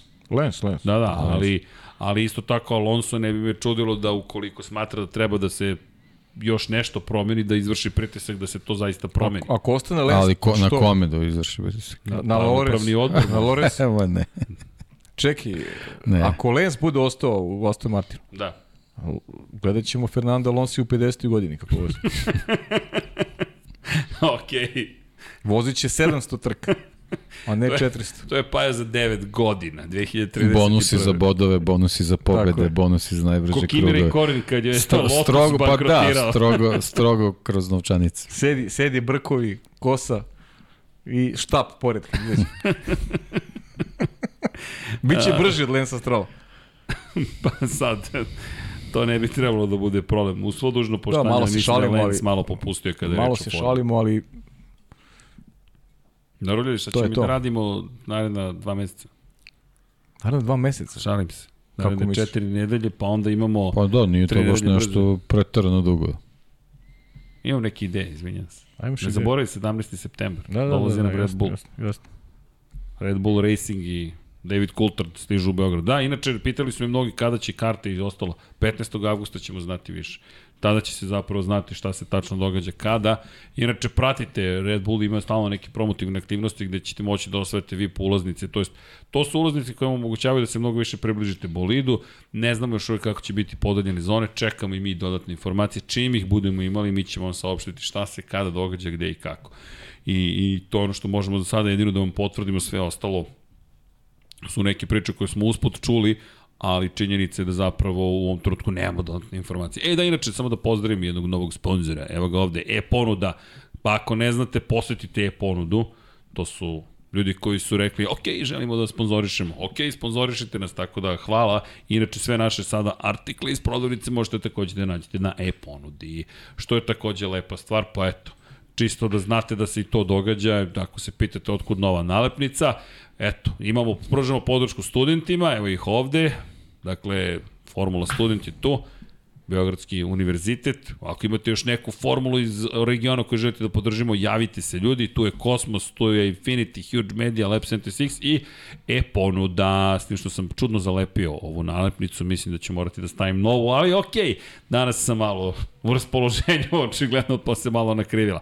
Ali eto da znate da ima i novih sponzora, I sponsor klima uređaja je Vanja Milićević, kome je hladno, pošto je ispod nje, pa ovde ćemo mi da se istopimo. Pa je nama toplo. Pa je nama toplo. Ja imam anesteziju. Iz I hladno. toplog u hladno i sve je u redu. Ali ja ne da, osjećam ništa. tako da da, naredne dva meseca, zašto sam rekao dva meseca? Pa zato Pa ne što znam, čeka da. puno toga. Pa Pa nije baš da sad nešto nemamo šta, da radimo. da. Imamo šta da radimo. Dobro, a šta ćemo naredne dve Na nedelje? traci. Dve O, nedelje ćemo- pa, A, e, malo Ne, ćemo a da ćemo malo da odmorimo. Naravno. Malo, red odmora, red radi. Red radi Red disciplina. disciplina. Dobro, Deki, da ponovim, sutra Deki ja ne odmaram. Sutra 222. epizoda, sutra pričamo o Moto Grand Prix-u, sutra ćemo da se zabavljamo najavom onoga što dolazi, nemamo pojma šta dolazi, pošto je tek tamo ne znamo ko će gde da vozi, šta će da se događa, ali posle pet nedelja najzad ćemo da gledamo ponovo trkanje, mada kako sada stvari stoje, izgleda Yamaha ponovo je rešila da odbrani sve moguće titule. Ste gledali kvijata malo? i? E da, kvijat, da ne zaboravimo Ste da ne ispratili kvijat. Pa, mislim, ja sam više nego Instagram nešto pratio da imam. Ništa Šta će završio da bude, ranije, ništa. da, da. I čak je ovo je Roval bio, nije bila... Da, ovo, ja smo pričali da, o ovalu, jest. zapravo je roval. Roval je bio, malo su napravili kombinaciju ovala i klasične staze, ali nije se, nije se snašao. Pa dobro, Definitivno nije se snašao. Imaće još dve prilike. zahtevno je. Jeste. Baš je zahtevno. Jednostavno, radi se o potpuno drugačijoj vrsti takmičenja i o dru- drugačijim pravilima, ne pravilima, koliko kulturi trkanja i to je ono na što se najviše treba navići. Da. Inače je Tali Redik pobedio, čisto za one koji prate. Da. ovoga puta mislim da nisu nikakve kontroverze kao na prethodnoj trci. Bila je dobra trka u finišu. Overtime je bio i borio se Almen Dinger za pobedu. Znaš da on voli te trkaške Da, ali staze. Almendinger je imao probleme. Almendinger je imao probleme na Imao, kraju. imao je sudar na kraju, da. Tako je. Borio se za pobedu, ali eto nije uspeo da ovog Da, puta. inače je dobro. Bila je dramatična situacija na drugu truku Dobro, sa je, da, Almendingerom. okay, da, sve da. okej. Njegova supruga je obavestila javnost da je sve okej okay sa AJ Almendingerom. Ko ne proti, eto. topla preporuka, pa ispratite šta se događa. Čekamo Kimira i Konena, naravno, krajem Watkins Glen, avgust, 21. avgust. 21. avgust. To je za, za dve i po nedelje. Tako Eto, je. Za dve. vidiš. Ima svega. Ima svega kod Ima Kineza. sve- Svega kod Kineza. Ima svega kod Infinity Lighthouse-a. Da, pratite, svašta vam spremamo. I kada je reč o kosmosu i o nekim novim stvarima i tako dalje. A da, je o konstatujemo, da konstatujemo da je Teo Puršer E da, smanjio Formula 2. razliku u Formuli Formula 2. 2. Nije mala stvar, Formula 2, baš su ulazi u, ulazi u, u onako interesantan finiš, lepo pobeda Teja Puršera i sada je razlika koliko, 27-8 pojena, tako nešto.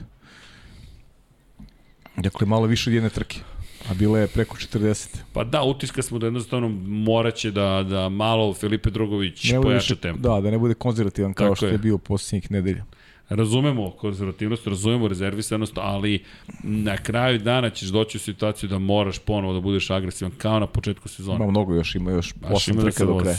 I ova situacija, pogotovo te Gde voze sve? Ovde u Evropa? Sve voze ove Sve tri trke. i na kraju... I Jas Marino. Jas Marino. Jas Marina, da. Da, da, da. Pri čemu imao si situaciju, ok, zato je išao rezervisano, da zapravo, se, da zapravo pokušaš da osvojiš titulu u Belgiji, Holandiji i Italiji. Jer mi imamo po dve trke po vikendu i ti u suštini možeš da osvojiš 39 pojena maksimalno. Dva najbrža kruga, dve pobjede i pol pozicija i ta prednost kao Mislim da, je- da, da su Belgija i, i, i Italija, ako sve bude kako treba, Puršer je to njegovo. Drugović eventualno u Holandiji može nešto da sa svojom taktikom da, da dobije. Pa ukoliko ne A, promeni a taktiku, prinudna da. je. Nije, očigledno nije, ovaj, nije to nešto što on želi tako da radi, ali jednostavno mora. Da, 21 poen je sada razlika, kao što rekao Pavle. E, ja ne rekao sam više, znači manje od 21. jedne trke. Manje od, 21 poen. manje od glavne trke. Da, 21 poen je trenutno razlika, pri čemu Logan Sargent je odustajanjem i desetom pozicijom došao u situaciju da. da zapravo zaostaje previše. Zaostaje 61 poen i 40 poen odnosno na Teja Puršera, tako da su tu mala šansa. Enzo Fittipaldi dobro vozi, bio je treći, drugi. jeste. Dobro Bio je- vozi bio je vreme, da, pa on je da, da, jedini da. obe trke Baš je bio, da, i, i, i, vidi se da je u formi, stvarno, Jeste. stvarno dobro vozi. Jeste, pa Da. opet ovo što smo pričali, inspiracija, jedan Brazilac te pobeđuje, s druge strane pobeglo ti mesto u Formuli 1, ovo je prilika da ipak pokažeš, ej ljudi, nisam samo Pa prezim. uticalo na njega ta, taj početak sezone, uticalo to što je izgubio. Da, šteta, šteta što, što Drugović nikako da, da dobije neku podršku ovaj, sponzora. Mm. Stvarno je zaslužio da, da, da, da, da dobije priliku da napravi ovaj tu stepenicu kako Formula 1, ali ne znam ovaj, kako se od- odvijaju te situacije vezano za, za Brazilce, kako, kakva tu pomoć može da, da stigne, ali definitivno što smo pričali, Puršer ako dođe do titule, on je sledeće godine u Formula 1. Pa ovo lepo otvara situaciju.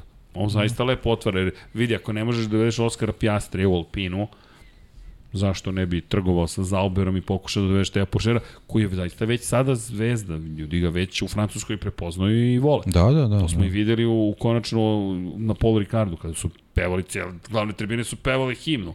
I čovjek Ma privuče ne mnogo samo što su pažnje. pevali, vidiš transparenti već. Neko, A o- neko izdvoji vreme da napravi transparent za Teja Puršera. To je, On je broj 10, nije bio samo za Gaslija. Tako je. da, da, da. Tako je, Teo Puršer je dobio baš veliku podršku. Da. Tako da je Deki ima tu Vidi dosta se rezona. i opet se vratim vezano za, za, za Drugovića sponzori koji se nalaze na Puršerovom bolidu i ekipa za koju vozi, on je, on je projekat. Da, on je baš projekat. To, se, to, to smo već mogli negdje da naslutimo. A da, to je. Očekivano praktično. Jednostavno, Francuzi imaju baš ozbiljan a ne samo potencijal, ozbiljne namere kada je reč o tome da razviju zapravo vozače za, za, za, za budućnost. Ali da, ali ja ipak držim pal, palčeve Drugoviću. Baš bih volao Pa da, da svi, zabeleži ovaj, romantični da, da, pošto Da. stvarno ovaj ogromno odricanje su tu Porodice, ovaj, porodice, tako da ovaj, bilo bi lepo da, da, eto, da nagrada budu vidu te titule. Više će značiti njemu titula nego Puršeru. Tako je. Koliko? može i bez titula. Može Formula bez titula, apsolutno. 1. Da. I sigurno će doći u Formula 1 Da. sad, pitanje je samo kad. Pa čak i čak i kada pričamo o tome da neće vod moći da brani titulu u Formuli 2 za Drugovića je bolje. Za Drugovića je bolje da ima titulu u Formuli 2. Pa naravno. Gde god dalje da ide, mnogo je bolja situacija. Inače, kada pričamo o Filipeu, baš je bio nevidljiv ovoga vikenda i baš je i nije čak ni gume mogao da čuva. Nismo videli ništa od onoga što ga krasi kao Pa i vozač. start loš i opet i prvoj trci je mislim da je napredovao dobio je pozicije zahvaljujući nekim incidentima, mislim, u sprintu. Pa dobro, ali generalno ovaj, nekako izbalansirao tu celu situaciju, pa opet neka grupa bodova je tu. Da. Da, inače, kada pričamo o, o Filipe Drugoviću, pokuša, inače, nadamo se da, ajde, da, da ne trčim Petrutu. Neka ostane za sledeći put kada budemo pričali o formuli. Dobro.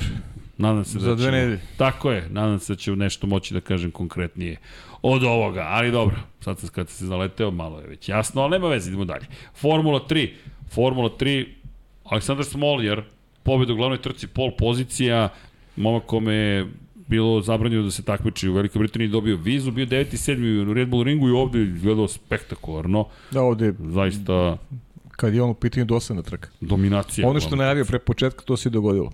Da. Dođemo u prvu krivinu, da sačuvam gume, da imam dobar tempo i upravo je to je bilo. Sve je odigralo se kako on želeo i nije bio ugrožen ni u jednoj situaciji. Dakle, baš jedna atipična trka za Formulu 3. Pa da, inače najzabavnije je bilo zapravo što su promenili gume pred kraj neki od vozača vozili na gumama za suvo, jeste. staza bila vlažna, pa smo imali dramu gde je Zeko Sullivan pred kraj bio četvrti, da je imao još jedan krug pobedio bi otprilike, a bio je praktično na začelju kada je promenio pneumatike, pa eto to je bila zanimljivost same trke, inače na poziciji broj 2 Zane Maloney završio tu glavnu trku i treći bio, mada to nije glavna priča Oliver Berman, ali glavna priča bi se pao da se desilo u prvoj trci i to sa Arturom Leclerom zapravo, Artur Leclerc Da, Artur Leclerc kao da je najavio lošu karmu ovaj, i, i za svog brata kasnije.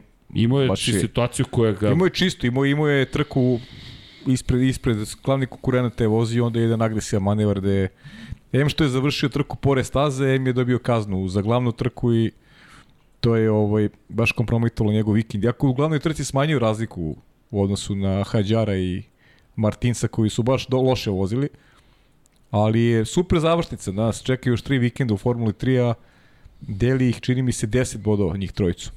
Što je baš onako jedna dobra pozivnica da Formulu 3 ispratimo do kraja. I nešto je meni još utisak, gledamo kad je u pitanju Formula 2, Formula 3. Frederik Vesti, on je možda i odvezao svoju najbolju trku, iako nije bili na podijumu čak. Da Da nije Ušer bilo je pobedio, da nije bilo kazne, A i ta kazna... sta, strategija je bila malo drugačija u odnosu na, na rivali i vozio je sjajno danas. I generalno je u odličnoj formi u posljednje vreme i Frederik Vesti. I to ono što kaže Deki, možda je to, možda i kroz Frederika Vestija vidimo koliko je tim dobar u posljednje vreme. NAR Grand Prix. Tako da, da, da, da, da će Grand Prix, ozbiljna da, reputacija. Tako da. je, tako da će tu stvarno imati Filipe Drugović, iako ima bodovnu zalihu, mnogo problema da da sačuva prednost u odnosu na Porsche. Ar Grand Prix zna kako se pobeđuje Jeste, kad je, kad je tesna situacija. jeste. Jako eto, MP Motorsport slavi obe trke u Formuli 3 ovog vikenda. Apropo MP Motorsporta, da, MP Kaj, Motorsport, Kole, Kajo ono, Kole u pa, prvoj mislim, trci, Izvini što sam rekao, ma će povediti, nemoj sljuti.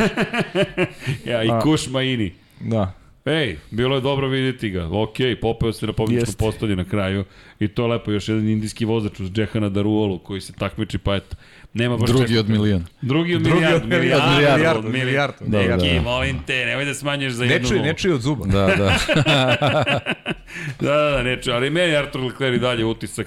Ima sve u svojim rukama, poslednji krug, on izbacuje sebe, glavnog rivala, utiče na trećeg. Ne, on ima iza sebe Da, glavne ima rivale. iza sebe glavne rivale. Oba glavna rivala su Da. da. iza njega. Nemaš potrebe da rizikuješ, ti smanjuješ Za razliku. jedan poen. A imaš bolju startnu Da. poziciju u glavnoj trci. Sve je uradio što nije trebalo da uradi. Bukvalno sve što nije trebalo da uradi je uradio to u tom trenutku. Mladost, ludost. Da, da, pa znam, ali godine prolaze. Ali i hrabrost. Hrabrost. Pa, jeste, ali... Hrabar, Ar- jeste. Pa jeste hrabar, ali On ljudi... je, on je i dalje iz mog ugla najveći favorit da osvoji titul u Formuli 3. Pa možda... Meni naj- se najviše sviđa ti, od svih tih Možda najtalentovaniji, ali pa jo. Znaš, opet pričamo o čoveku koji jednostavno mora, ovo druga sezona takmičenja u, u, u Formuli 3. Da, otvorit će se njemu vrati Formuli 2, ali malo moraš i da, da iskoristiš situacije. Ali dobro, i dalje nije nije u kakvoj dramatičnoj situaciji. I naravno da ne zaboravimo šta, drugari, da ne zaboravimo koga ili ti šta se još događalo, Jamie Chadwick i kompanija i W serija, je li tako? Dan Mrmot. Da, Dan Mrmota. Dan Mrmota. Pa da, na neki način liči na Dan Mrmota, ali dobro. Koliko pratimo. ima pobjede sad? Koliko? 8 trka, 8 pobjede, šta? Nije, Jamie ovog puta bila druga. Ellis Druga Powell. bila? Da. Tako je, u Mađarskoj. Tako je. pobedila, konačno. Tako je, pobedila. Nisam pratio, svaka je čast. A Bejtski Viser je bila na poziciji broj 3. Eto, malo promjena. Čak ni pol poziciju ne osvojila Jamie. Oh. Bila je na...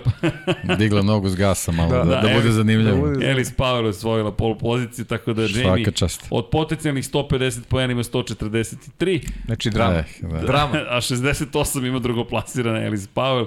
Viserova ima takođe 68. Već Skoro dvama za ko Verstappen, Leclerc. to je ta razlika. To je ta razlika. Da, tamo Dobro, je. jedino što dosta manje trke, ali dobro. Da, znam, ali Pa i završavaju, dame završavaju isto u... Ili idu... Ko, dame? Dame Da. završavaju u Meksiku. A u Ne, Meksiku? ne, oni imaju drugačije. One voze Singapur, pa idu u Ameriku, pa idu u Meksiku. I dve trke su u Meksiku. Ali, ali to mi je okej, okay, što, su, što su malo izmešali karte. Da, da ne bude Europa samo. Pa to, ali Singapur mi je zanimljiv, baš me zanima W serija u Singapur, taj krug će da traje. Jedno tri minuta ima da voze taj krug. Formula ga vozi dva minuta, ali bukvalno to ima traje tri minuta. Baš me zanima koliko krugova će dobiti, od tipa ko, Šest. ko u Moto. E klasi, šest krugova bukvalno. Kao Šans. nekada zeleni pakao Nordschleife. 15 minuta plus kruga. Da, da, da. Ne, pa pazi tamo, a tamo što ćemo, znaš, znate zašto ne idu u Singapur Formula 2 i Formula 3? Pa ne bi se nikad ništa održalo zapravo, zato što bi tu žutih zastava bilo i crvenih A, neprekidno. I ovako će biti drama Da, u Formula Singapuru. 3 završava u Evropi uvek. Je, ali vraća nas se Singapur, ljudi, pa to je fenomenalno. Jedva čekam da vidim, koliko god sam zamerao Singapur iz nekih drugih perspektiva, jedva čekam malo da vidimo iz Singapura. Baš ga dugo Dobro je samo da Koreje nema. Da, Koreja nekako, je, nekako budi bol u celoj situaciji. Um, jesmo zaboravili, jesam zaboravio nešto, ljudi? Ne, ne, Pa ovo su ključne vesti. Kako? Fantazi. Pa ne, to ne zaboravimo, to ostavljamo za kraj, nego da Nema, pa nešto... fantasy nemoj. A, Šalim se, šalim se, ajde. Misliš da...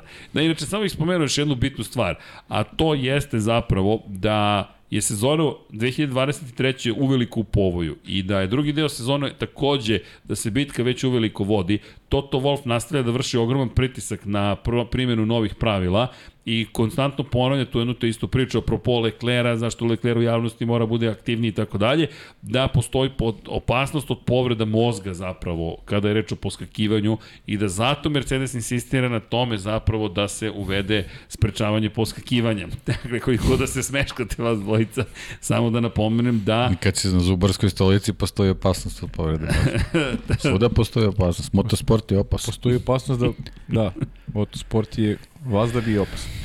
Znaš kakve sve opasnosti? Ali dobro, to je njegova taktika, sve je okej. Tako je. Me nama deluje zaista kao taktika bez obzira. Svaki medicinski izveštaj možete da protumačite u tom kontekstu kada je reč o tako opasnom sportu kada ugrožava bezbednost.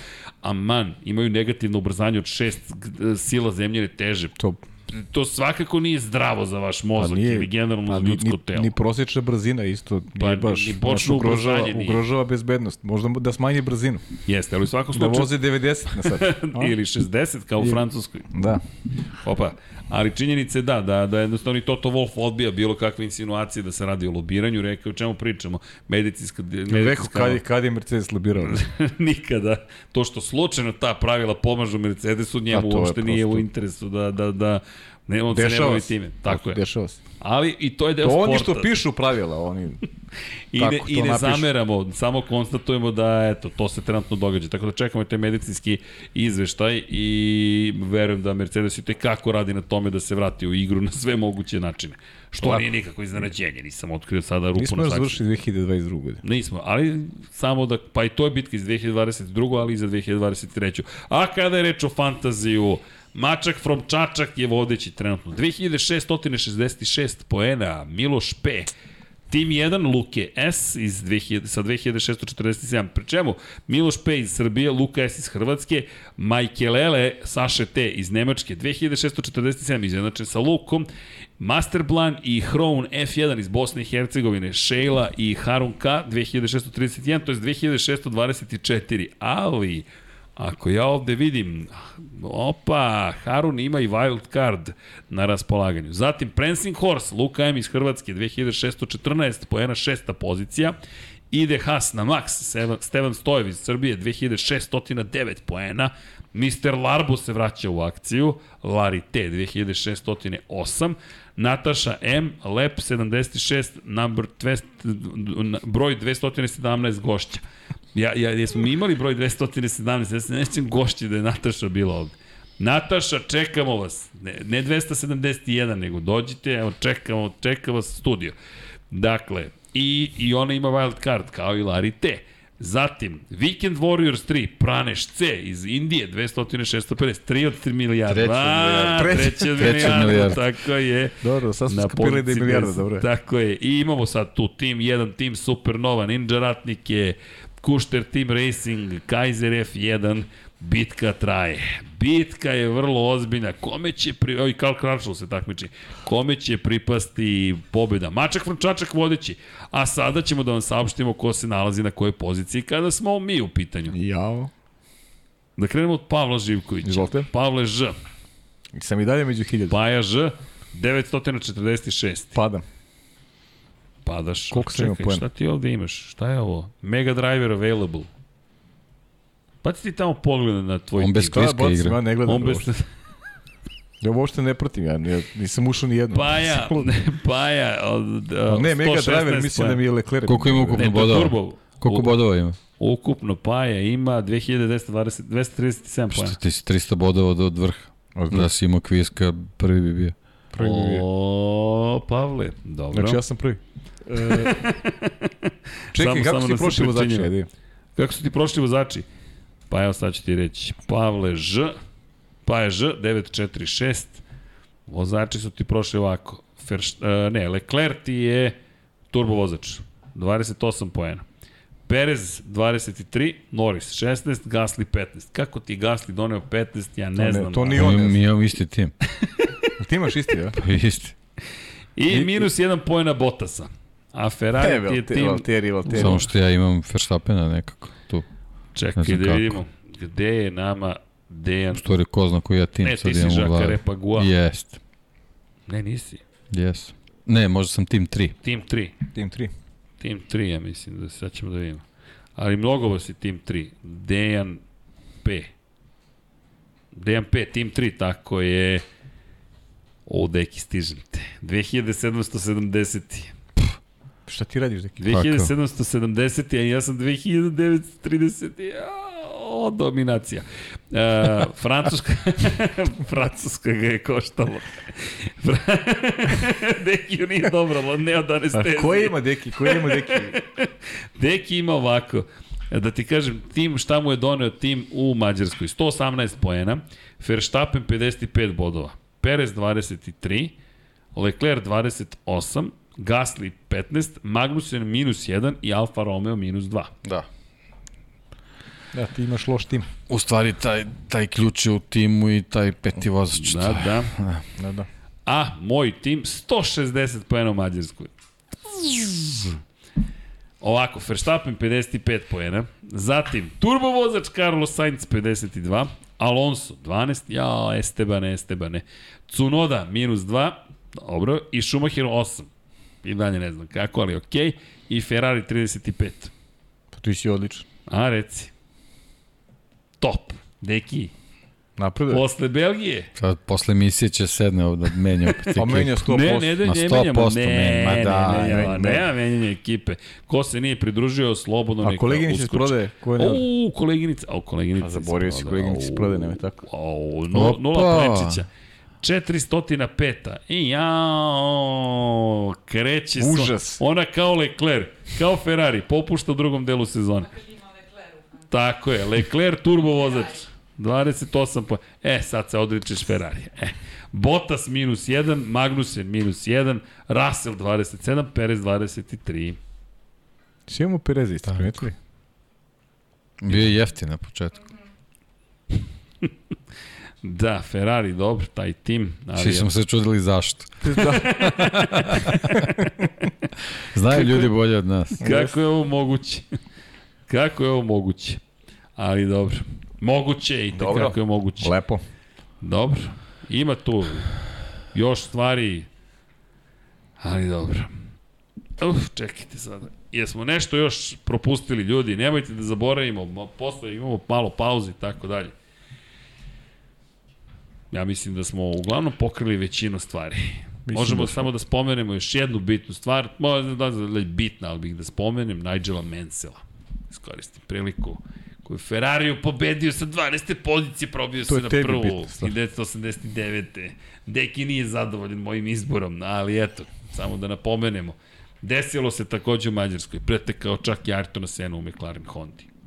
Mislim da si čak i rekao to na početku. Jesam, jesam, ali čisto još jednom. Da. Inače, Arrows Ford Koja je to godina bila? 89. A znaš ko je u Arrows Fordu bio peti? 89. Da, ako to pogodiš, deki. Ja ne znam, ja menjam ponovo majicu. Nisam u igri, nema šanse da pogodim. Ko je vozi Eros 89? Hoćeš ti dam naciju? Ajde.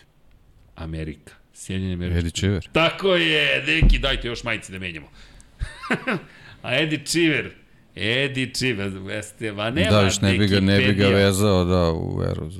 Da, da, da. 89. Da. Eddie Cheever. Ali ovo je bilo iz topa, samo mu daš naciju, pam, Eddie Cheever. I tako. Vanja mi kaže Slack, nisam čitao Slack. Jel trebalo da čitam Slack, Vanja? Bilo davno, a? Propustio sam priliku da nešto pročitam. Ne zamerite. Zoran Cimeša, opet je čovek donirao. Zorane, hvala. Dakle, 100 norveških kruna, pozdrav svima u studiju, konstatacija je dosta jedna. Pozdrav. Red Bull, Pozdrav, pozdrav. redko pravi greške. Aleksa SMNE, to ovo su vjerojatno kanadski dolari, 10. Uhu, pozdrav za najbolju ekipu koju ne propuštam slušati. Samo interesuje jedno, zašto je Crki toliko slab na azijske vozače? Čovjek prosto obožava Joa i vas u Atsunodu čak ima u fantaziju. Zato što sam ja na sinologiji bio katedra za sinologiju ili ti studirao sam japanski jezik i književnost. Došao sam do četvrte godine i ostao tamo. Tamo negde... Aj sad to reci na japanskom. Rane, 1000, rane 1999. godine. Tan, tan, Ne, ne, ne, na, na, 2000. na, na.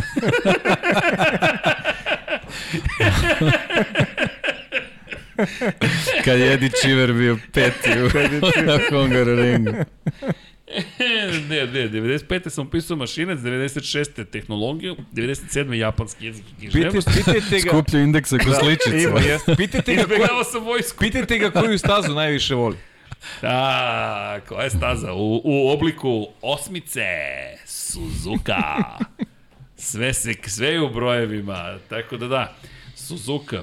Ali znam da kažem, da, tu uglavnom zbunim Sve japanske zavrlo, turiste. majice. Da, proširila ti se majica. Da, nešto. Ti Da, 3 ne, XL, nemoj- ovo- majice. Vanja, nemoj ovaj kadar. Zbog majice, to je zbog majice. Kuku. Takva majica. Takav model. Ne, ne, baš ne sviđa mi se. Model je užasan. Isto i meni se dopad. razvlači se. Užasan model. Ali dobro, hoćete strukirane da pravimo, ne znam. Slim fit strogo. Slim fit jedino. Ali, da, da. Apropo, Evo, znam će ruku kažem, da držimo. Znaš šta, znaš šta znam da kažem? Znam da zbunim japanske turiste. Kažem im Nihondo kata desu ka. To znači da li ste vi čovek iz Japana u bukvalnom prevodu. Kraj, kraj, kreće priča na japanskom, ja onda se izvinim i kažem su ima sen ga, watashi wa nihongo no gakusei desu. I oni kažu, "Mo- aha, ti učiš japanski, učim ga, gospodine, decenijama ga učim ja, ali džaba. Dobar si, dobar si. Nis, not too bad, not too bad, što bi rekao Novak Đoković, ali dobro. Tu je neka priča o slomljenom srcu, patnje mladog Ercega i tako dalje. Nemoj slušamo o tome samo. Nećemo o tome da pričamo Ne danas. molim te. u- Tako da eto, zato Vanja sam slab. gasi, Vanja. Za vozače iz Azije. I daj nam Tako da znate. Da, da, da, da. Nemanja Miloradović, pet švajcarskih franaka. Ferrari titulu nije zaslužio. Leclerc jeste, moje mišljenje. To ja kažem kao fan Ferrarija, pozdrav za cijelu ekipu. To je čovjek rekao pre dva sata, ja se izvinjam, nisam video poruku. Izvinjam se još jednom. Tako da znate, inače Mortal Kombat je postao svetioničar, opa, početnik, da malo bude Mortal Kombat koleginici iz prodaje, da sam srušio ovu, prazna je, ne veze, vode više nema odavno, ali želim da vam pokažem nešto, jer Vanja pripremio a, kadar sa našim dostignućima iz Transistor FM-a. Ako jeste, moram da se malo pohvalim, dragi ljudi, ovo su neke divne, neverovatne stvari, nismo ih ni videli do juče, prosto mi volimo da pričamo i snimamo i onda Transistor izbaci achievements ili ti, o, hvala. Ej, ljudi, Prvo čestito nam je na prvoj epizodi. Hvala, to stoji verovatno dve godine da nismo videli. Zatim nam je čestito na 200. epizodi. Hvala. Zatim jedna od epizoda imala 1000 preuzimanja. Hvala. 100.000 ukupno preuzimanja za ove dve godine. Ovo su samo podcasti, dakle samo na podcast platformama. Zatim, sluša se Lab 76 u preko 50 država E, sveta. to majice treba da. To majica, To je to majica. Global Listeners. Lab 76. Zatim imamo Strik ili Tiniz. Čestitamo što ste izbacivali epizodu 52 nedelje za redom. Opa, hvala. I čestitamo što već dve godine objavljujete podcaste. Tako da, nismo ni znali šta zna dete šta je dve tone ili dve godine, ali da, eto. Ja sad sad ti kažeš nešto. Kad sam ti pričao treba da imam podcast? Kad sam ti ja to pričao? Izvini Matija, nisam me, te prepoznao. Ti gledaš, po, prolaziš pored mene kao... ja ti kažem, sve pričao je čovjek. Još kao mi lupiš čvrgu. Sram ti bilo. E, kad sam ja to rekao? Tamo 2019. Srećom sam te poslušao. Srećom. ja, znaš šta sam sad shvatio? Šta? Nama čovjek koji proizvodi majice se zove Matija. Dobro. A, Binoto, ti si. Moramo da kažemo Možda Matija. želi, možda želi učešće ovaj. To je plan B. To je plan B. To je plan B. to je Plan B, plan B, Binoto. Kad ti kažu plan B, to ne radiš onda, ni u kom slučaju. I tako, eto, dame i gospodo, krug se okrenuo od toga da tražim ostavku Matije Binota, do toga da ga hvalim, do toga da će on dobiti ostav, otkaz kako je krenulo, ali da, žao mi je zapravo, nadao sam se da će pružiti uh, baš veću bitku, to je da će mi moći da kroz strategiju i kvalitetan organizovan rad bude ovo sezona u kojoj kada imaju brz bolid i brzog vozača i jednog ok, jednog veoma brzog i jednog brzog, da urade nešto više, ali ipak to nije slučaj. Da se vratim negde na, na sam početak. Imamo li mi neka pitanja? Najbrži pit stop. E, koleginici, niste ni slušali podcast, ja sam to već ispričao, 2.19, Red Bull Racing. Ao, Nije pratila, minus, nije pratila na čas. Minus, ali dobro. Ali zato Kaže Miloš, pitanje, ima Da. li Aston Martin, to je Stroll, neke veze sa Indijem 500, pa da je obećao Alonso dobro vozilo posle Opa, Formula 1? dobro pitanje. Da, pa vidi Kanadjani su, tako da Da. Pa možda ne znam ima da li neke, imaju neki plan. neke veze, mislim, znamo šta Alonso sanje. To, Jedan od Sanja, snova, u Jedan od snova, Da, da, da. tako je trostorka kruna. 500 milija Indianapolisa i 500 trka u Formuli 1, to je. Opa, misliš da će to biti puta ciljevi? po 500. Pa preće do 500 trka u Formuli 1 kako je krenuo nego do 500 milija Indianapolis. Da. Ali možda da zove Markus Eriksona. Da, da, može Da, da. to je zaista teško postići. Samo je Graham Hill, otac Damona Hilla, uspeo da pobedi na, Monte, na velikoj nagradi Monte Carla, 24 časa Lemana u glavnoj klasi, dakle u, u generalnom plasmanu i 500 milija Indianapolis. Izvinite kolege, šta, sam, šta si sad A nasmela? ne, kao prizivamo Benetton kao. E da, neko je našao ujedinjene boje, to... Evo, Rossi ovde. E, inače, ljudi, evo da iskoristim priliku kad ste tu, ako ste još uvek tu, nemam predstavu, da vam pokažemo ovo. Inače, ovo je naš Nikola Brđević izdizajnirao kutiju, dobili smo pohvale dizajn, ovo je na globalnom nivou, samo Infinity Lighthouse ova knjiga tako urađena, a unutra knjiga Meta Oxley. Jeste da nije u Formuli 1, ali ko zna šta vas čeka još u Infinity, izdanjima Infinity Lighthouse, ali monografija Valentina Rosija je u pitanju kada pričamo o nekim monumentalnim delima, samo ću vam pokazati par fotografija, ne znam da se vidi ponovo konkurentan 2014. godine, pre spominjali smo i, i, i Ducati, ja mislim, možemo da nađemo i tu godinu, vidjet ćete i sami opis 2012. kaže još jedna izgubljena godina, ali ajde da vam pokažemo 2011. Kaže godina horora. Ispalo je i nešto što dobijete uz knjigu, ali to će sad posle da pokupim, tako da ko želi može zaista poseti našu prodavnicu shop.infinitylighthouse.com Mi smo se rodili nekom vremenu kada nije baš bilo uobičajeno promovisati prodavnice, ali nama to znači iz više razloga. I meni je makar ozbiljno. Knjige ljudi objavljuju, to je nešto predivno. Imate deki u crveno i crno Schumacher, filozofsko delo, ako smijem da primetim, na osnovu naslova. Zatim imate drugu da. Dekijevu knjigu, Ayrton Sena, Put ka savršenstvu, da znate, to sve imate kod nas u prodavnici. I imate neotkrivenog, da ne kažem, Unknown Kimi Raikkonen, mi ćemo vam ga otkriti, prevedena su sva dela, to jest dva dela su prevedena, a dva je gospodin Dejan Potkonjak napisao. To su sada četiri knjige. Inače, pratite shop Infinity Lighthouse-a, čekamo carine da završi svoj deo posla i, je tako koleginice, stiže Grand Prix Guide, ko je zainteresovan za, ja čak mislim da ni nemamo ni mi više Grand Prix Guide. Ili ima jedan? Iza de, i, na Play Seatu.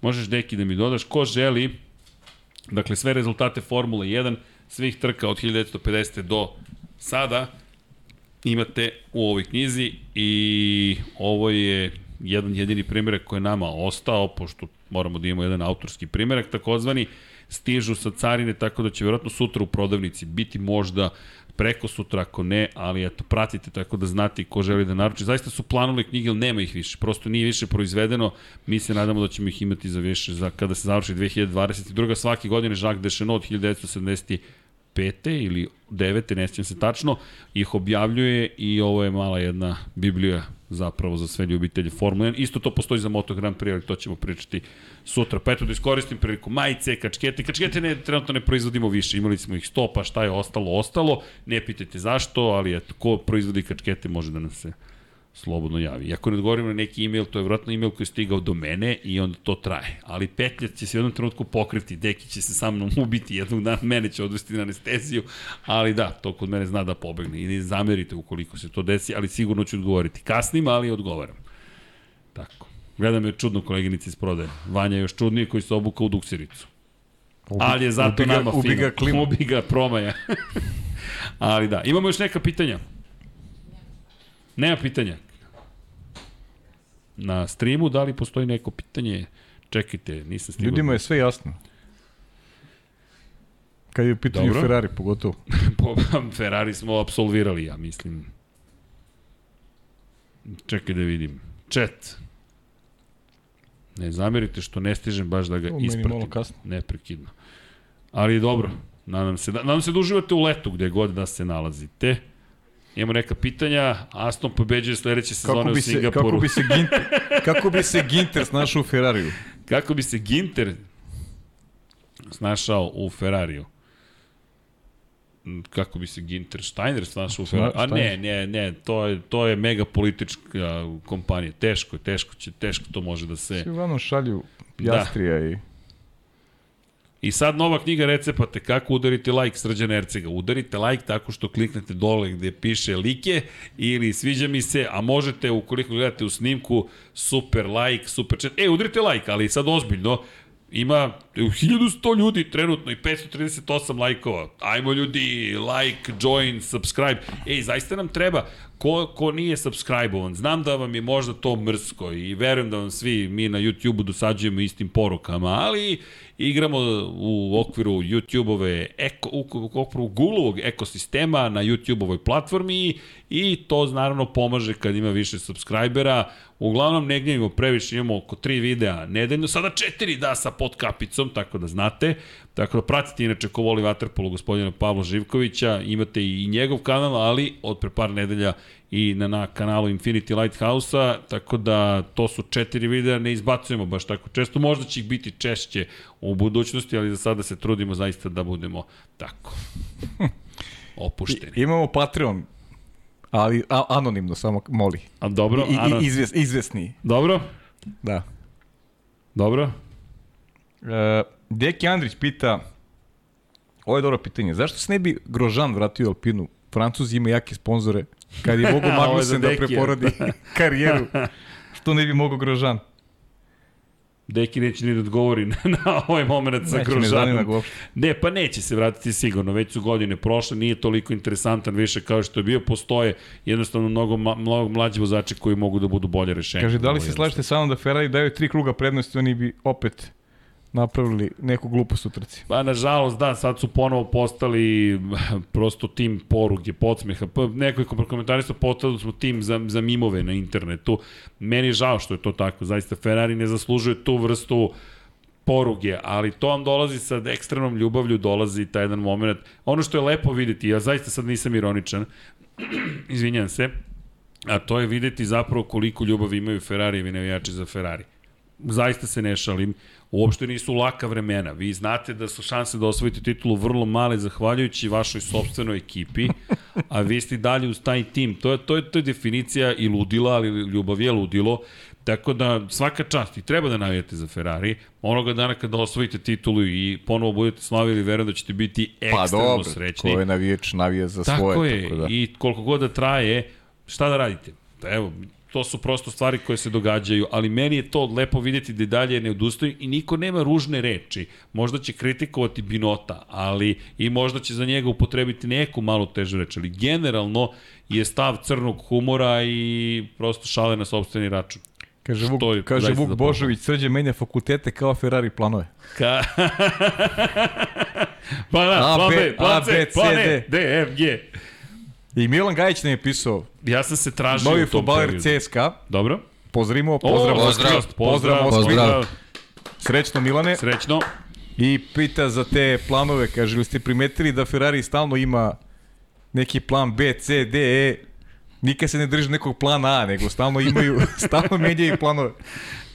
Da li iko zna plan A? Za, da, Da li iko zna šta je plan A? zanimljivo zapažanje, ali jeste da oni stalno imaju Možda neki plan, plan, B, plan C. Arriva Benea i onda ga i nema.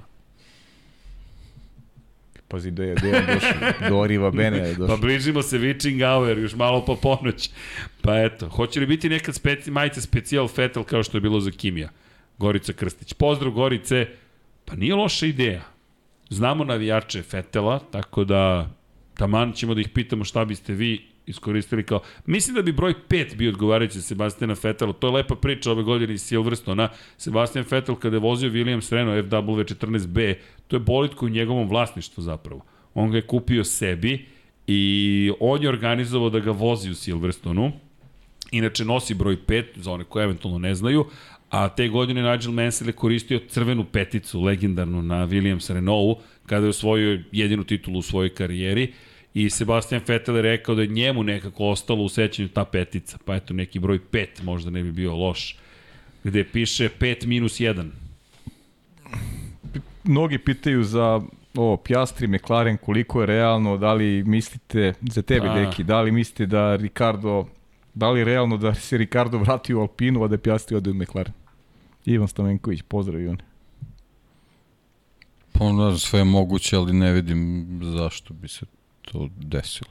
Šta ne vidiš? Da, Da, da, da dođe se Ricardo vrati, ne da se da Ricardo Ricardo vrati u Alpinu. Da. Da, ja to ne vidim, jer Da, da, ne ljudi, on je otišao to. iz Alpine Da. na način koji je doveo do toga da Cyril Abitobul izgubi posao. Da pritom Alpina je francuska ekipa, već smo spominjali koji Francuzi već mogu da, da se nađu tu i pre njega. Tako da Tako je. nekako ne vidim taj link. A pazi, pazi, Da. Eda Hasan Spahić, šta on? Kaže, evo jedna malo luđa ideja. Joe ide u Alpinu, Piastri u McLaren, Ricardo Williams i Teo Puršer u Alfa Romeo. Ne mogu ni da ispratim šta si rekao. Da, ali o- da, okay, Joe Joe, Alpina. je, Joe je povezan bio sa Alpinom. Jeste, Da. njihova akademija, Vozio. Piastri McLaren, Za Trident. Ricardo Williams i Teo Puršer Alfa Romeo. Pa, to, to je onako... Pa Teo Porcher se uklapa u Da, Zauber.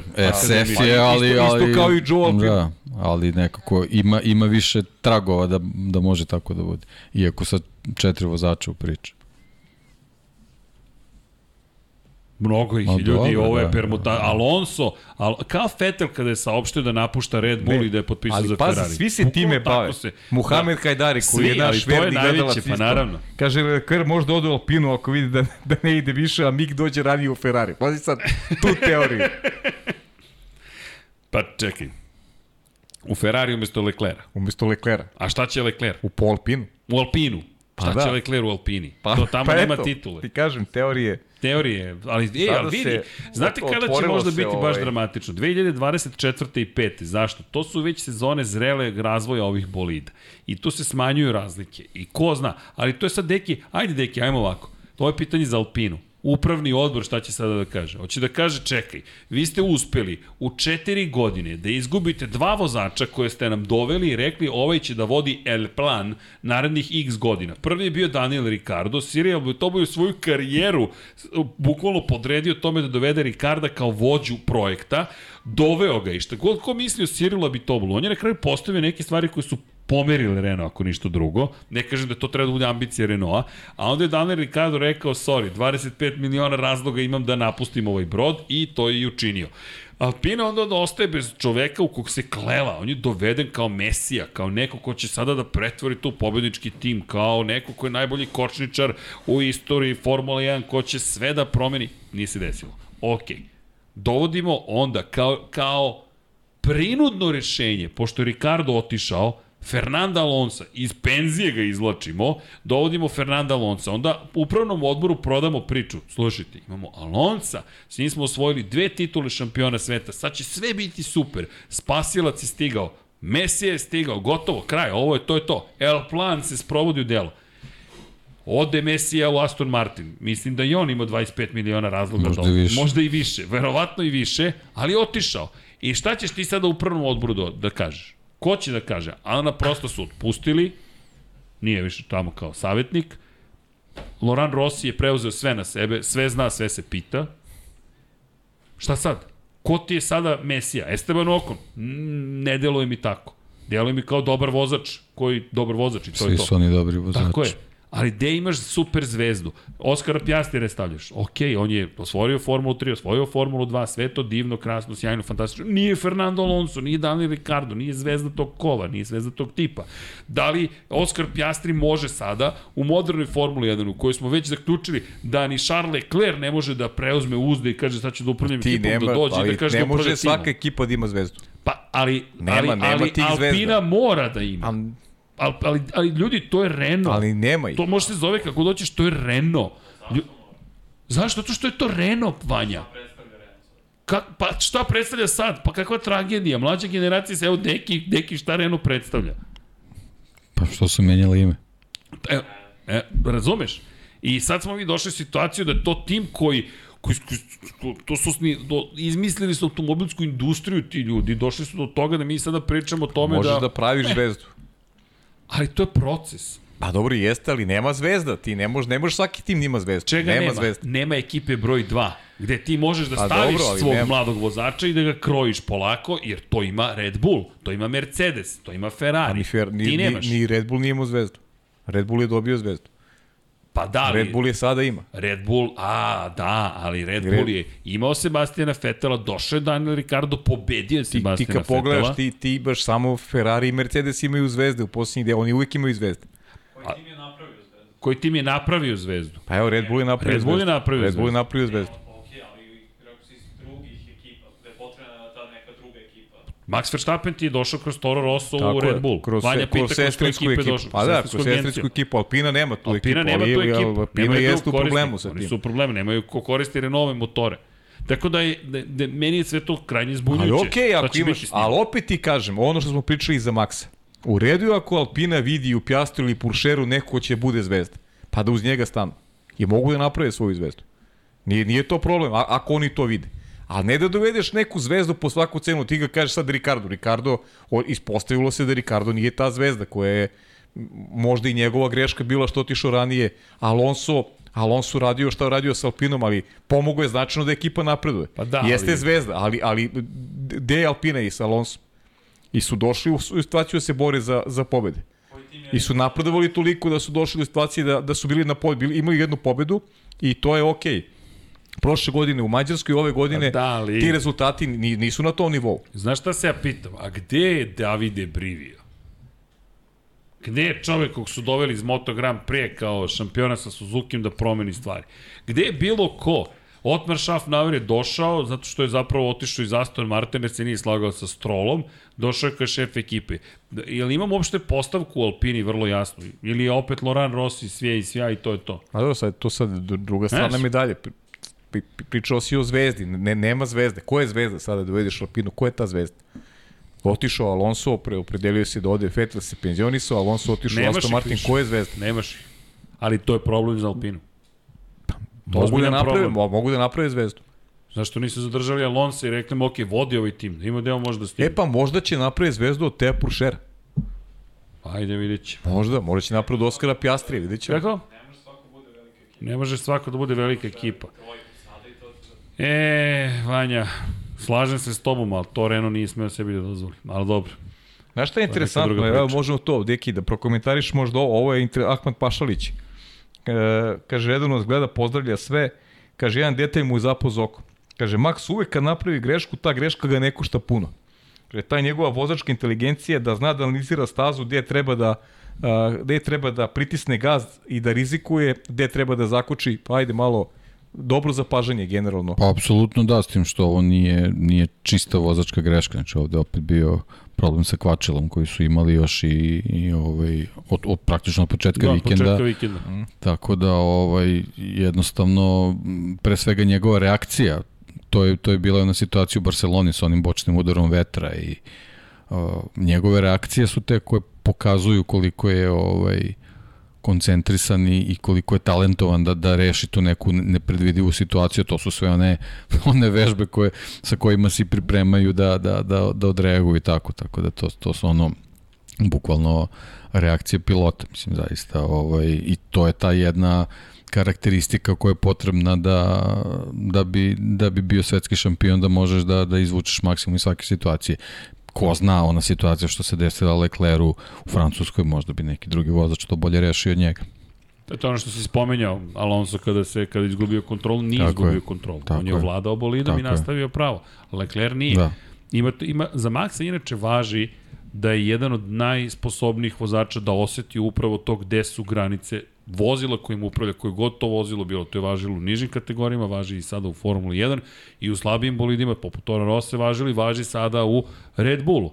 Jednostavno, pogledajte njegove vožnje po keši, setite se Brazila pre kad dve ili tri, tri godine, čovjek je neverovatan po tom pitanju. Bukvalno zna tačno gde će boli da popusti, makar to tako izgleda sa strane.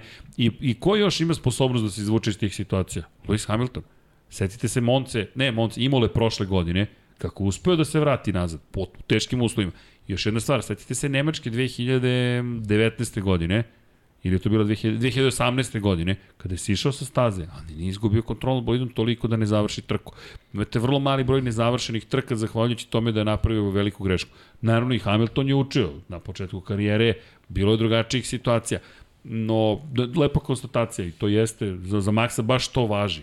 Inače, evo, Lukaš Ljivić pita Hamilton osma titula, u čekajte polako, Mercedes da dođe do... Da li može? Ba naravno da može, videli ste ko i šta je Lewis Hamilton i na ovoj trci ponovo to pokazao, ali ista priča. Morate da imate ceo tim koji to može da vam Da, pruži. i ljudi pitaju za, naravno, Red Bull Honda. Nastavak tehničke saradnje do 2025. Pa da. godine je potpisan, tako da... Rekli smo to. Da. Spomenuli smo, ljudi, to je očekivano, manje više sad samo potvrđeno. Ono što je meni meni tu zanimljivo je da je to zapravo trogodišnji ugovor posle jednogodišnjeg koji su imali za 2022. U momentu kada se de facto Porsche uključuju u celu priču, Honda samo potvrđuje ono što je meni zanimljivo, posvećenost zapravo celom projektu nije sad godina za godinu, ne, nego su već rekli, mi smo tu do kraja 2025. Imam utisak da su proizvođači vrlo svesni koliko je u ovom momentu važna stabilnost za Formulu 1. I mislim da su da to rade pre svega iz poslovnih razloga, to samo analiziram motive, jer toliko raste interesovanje za Formulu 1 da zašto bi ti sada ljuljao brod koji plovi vrlo brzo, stabilno i povećava brzinu i raste sam po sebi i ti čak i kao Honda ja mislim da su oni vrlo svesni, ono što ti rekao, deki, da oni su napravili odluku i to je to kraj, odlučeno je, ali da su se i oni zapravo našli u nebranom grožđu kako? Prva titula koju su osvojili od Ayrtona Sene vozačka i druga stvar, odjednom popularnost Formula 1 koju niko nije predviđao. Nijedna, nijedna ta čuvena estimacija nije govorila u prilog tome da će Formula 1 biti ovoliko popularna. Nigde, ne na Netflix, na Netflixu su ušli u jednu klasičnu saradnju i jednom su se sklopile savršene situacije, sklopilo se da Netflix donese popularnost u Americi, desilo se da odjednom imamo situaciju u kojoj Red Bull može da parira Mercedesu, da se pojavlja Max Verstappen. Protiv Luisa Hamiltona, imate jednu legendu Formula 1, novog izazivača klinca, imate sukob i imate finale u poslednjem krugu poslednje trke šampionata sveta prošle godine, kontroverzno pride, promjenu pravila, Ferrari koji se uključuju u borbu za titulu šampiona sveta, Ferrari koji vrši autodestrukciju, ali rasprodate su sve karte na svim meridijanima, nove trke, interesovanje i tako dalje i to je moj utisak da jednostavno su svi svesni. Sada ne, sada se međusobno uzemno se podržavamo i to je to. I to mislim da je poruka Honda. Ej, ok, tu smo do 2025. Posle, ko zna šta će biti. I ko zna šta će se još promeniti po tom pitanju, koga ćemo sve tu dobiti. Ono što je super jeste, evo je potvrda Volkswagen grupacije. Deki, koliko je to dugo čekano zapravo. I to je ogromna stvar da je Volkswagen rekao da, ulazimo. Ulazimo u Formula 1, to mi je potvrda koliko je Formula 1 bitna u ovom momentu. I mislim da je Deki opet kao i uvek po hiljati put rekao šta je budućnost. Hiperautomobili daju budućnost šampionatu izdržljivosti, Hibridi su dovoljno dobro urađeni u reliju, da je reli ima svoj opstanak zagarantovan. IndyCar je oživljen, bukvalno su ga oživjeli time što su ga spojili zapravo sa Formula 1 i to šampionatom izdržljivosti i vi imate vrlo dobru budućnost zapravo automotosporta. Četvorotočkaškog. Da Pa napomenem. dobro, da, i pre svega da, da vozači imaju više opcija da se nađu u vrhunskom šampionatu. Da, da ne bude situacija i osjećaj njihov da u slučaju da ne prođu kroz Formulu 1, do Formule 1 u stvari da dođu, da su, da su time završili neku, neku vrhunsku karijeru, nego da jednostavno mogu da, da naprave neki otklon, da se nađu u nekom drugom šampionatu koji može da im pomogne da, da se možda ponovo nađu u borbi za središte Formule 1 i tako dalje i tako dalje. Mi smo jedno vreme imali period, znači ako ne, ne uđeš u Formulu 1, ti si sa vrhunskim automobilizmom završio praktično. Trajno. Sad već imamo opciju da, da, da to ne mora tako da bude. Možeš čak i da se vratiš. Da. Možeš da. Čak i da se vratiš, jer to pokazuje što primjer Fernanda Alonsa, što primjer Estebana Okora, što je Al Aleksa Albona, dakle i dalje postoji mogućnost da ti ostaneš nekako u igri i da te vratimo u celu priču. Što nisu male stvari. Jer Bitno je da budeš na radaru, to Tako je, to je, to je bitno. Da. Tako je. I imamo čak i Formulu E i dalje, kako god, i ona je tu, tako da. Tako je. Da. Inače, Željko Tošić pita šta se sve, sve raditi na bolidima u pauzi. Pa imate dve nedelje karantina, to po- potpunog policijskog časa, dakle dve nedelje ne smije ništa da se radi. Jednostavno, to je prinudni odmor za sve. Zvanično ne smije ništa da se radi. To ne znači da neko neće crtati na salvetama i razmišljati o bolidima Formule 1, ali nema, ništa se ne radi i potom se otvaraju fabrike i nastavlja se dalje. Šta možete da radite? Sve što je dozvoljeno pravilnikom i to je zapravo vaše pitanje. Sve možete da radite. Dakle, nemate samo te dve nedelje, ne smete ništa i naravno u sklopu budžeta, to jest ograničenja budžeta koje ove godine imamo i vidjet ćemo naredne godine koliko će biti to ograničenje, da li će se povećati i koliko će kalendar biti velik zapravo ove godine. I da ponavljam, Rusije neće biti u kalendaru, ništa ne menja veliku nagradu Rusije koja je bila na programu poslednje nedelje septembra, tog vikenda je velika nagrada Japana u Moto Grand Prix, sticam okolnosti, eto mi pratimo i te kalendare, ali 22 trke ostaju sigurno za ovu sezonu, to je, to je, to je, to je manje više to, čisto iz perspektive toga šta će nam doneti nastavak, ali ja da čekam Australiju i Okeaniju. Zašto se inače više ne daje start iz ptiče perspektive, nego uvek daju napred pozdrav Makedoniji. Pozdrav Dario, to odlučuje samo režija. To se mi apsolutno ništa ne pitamo, verujte.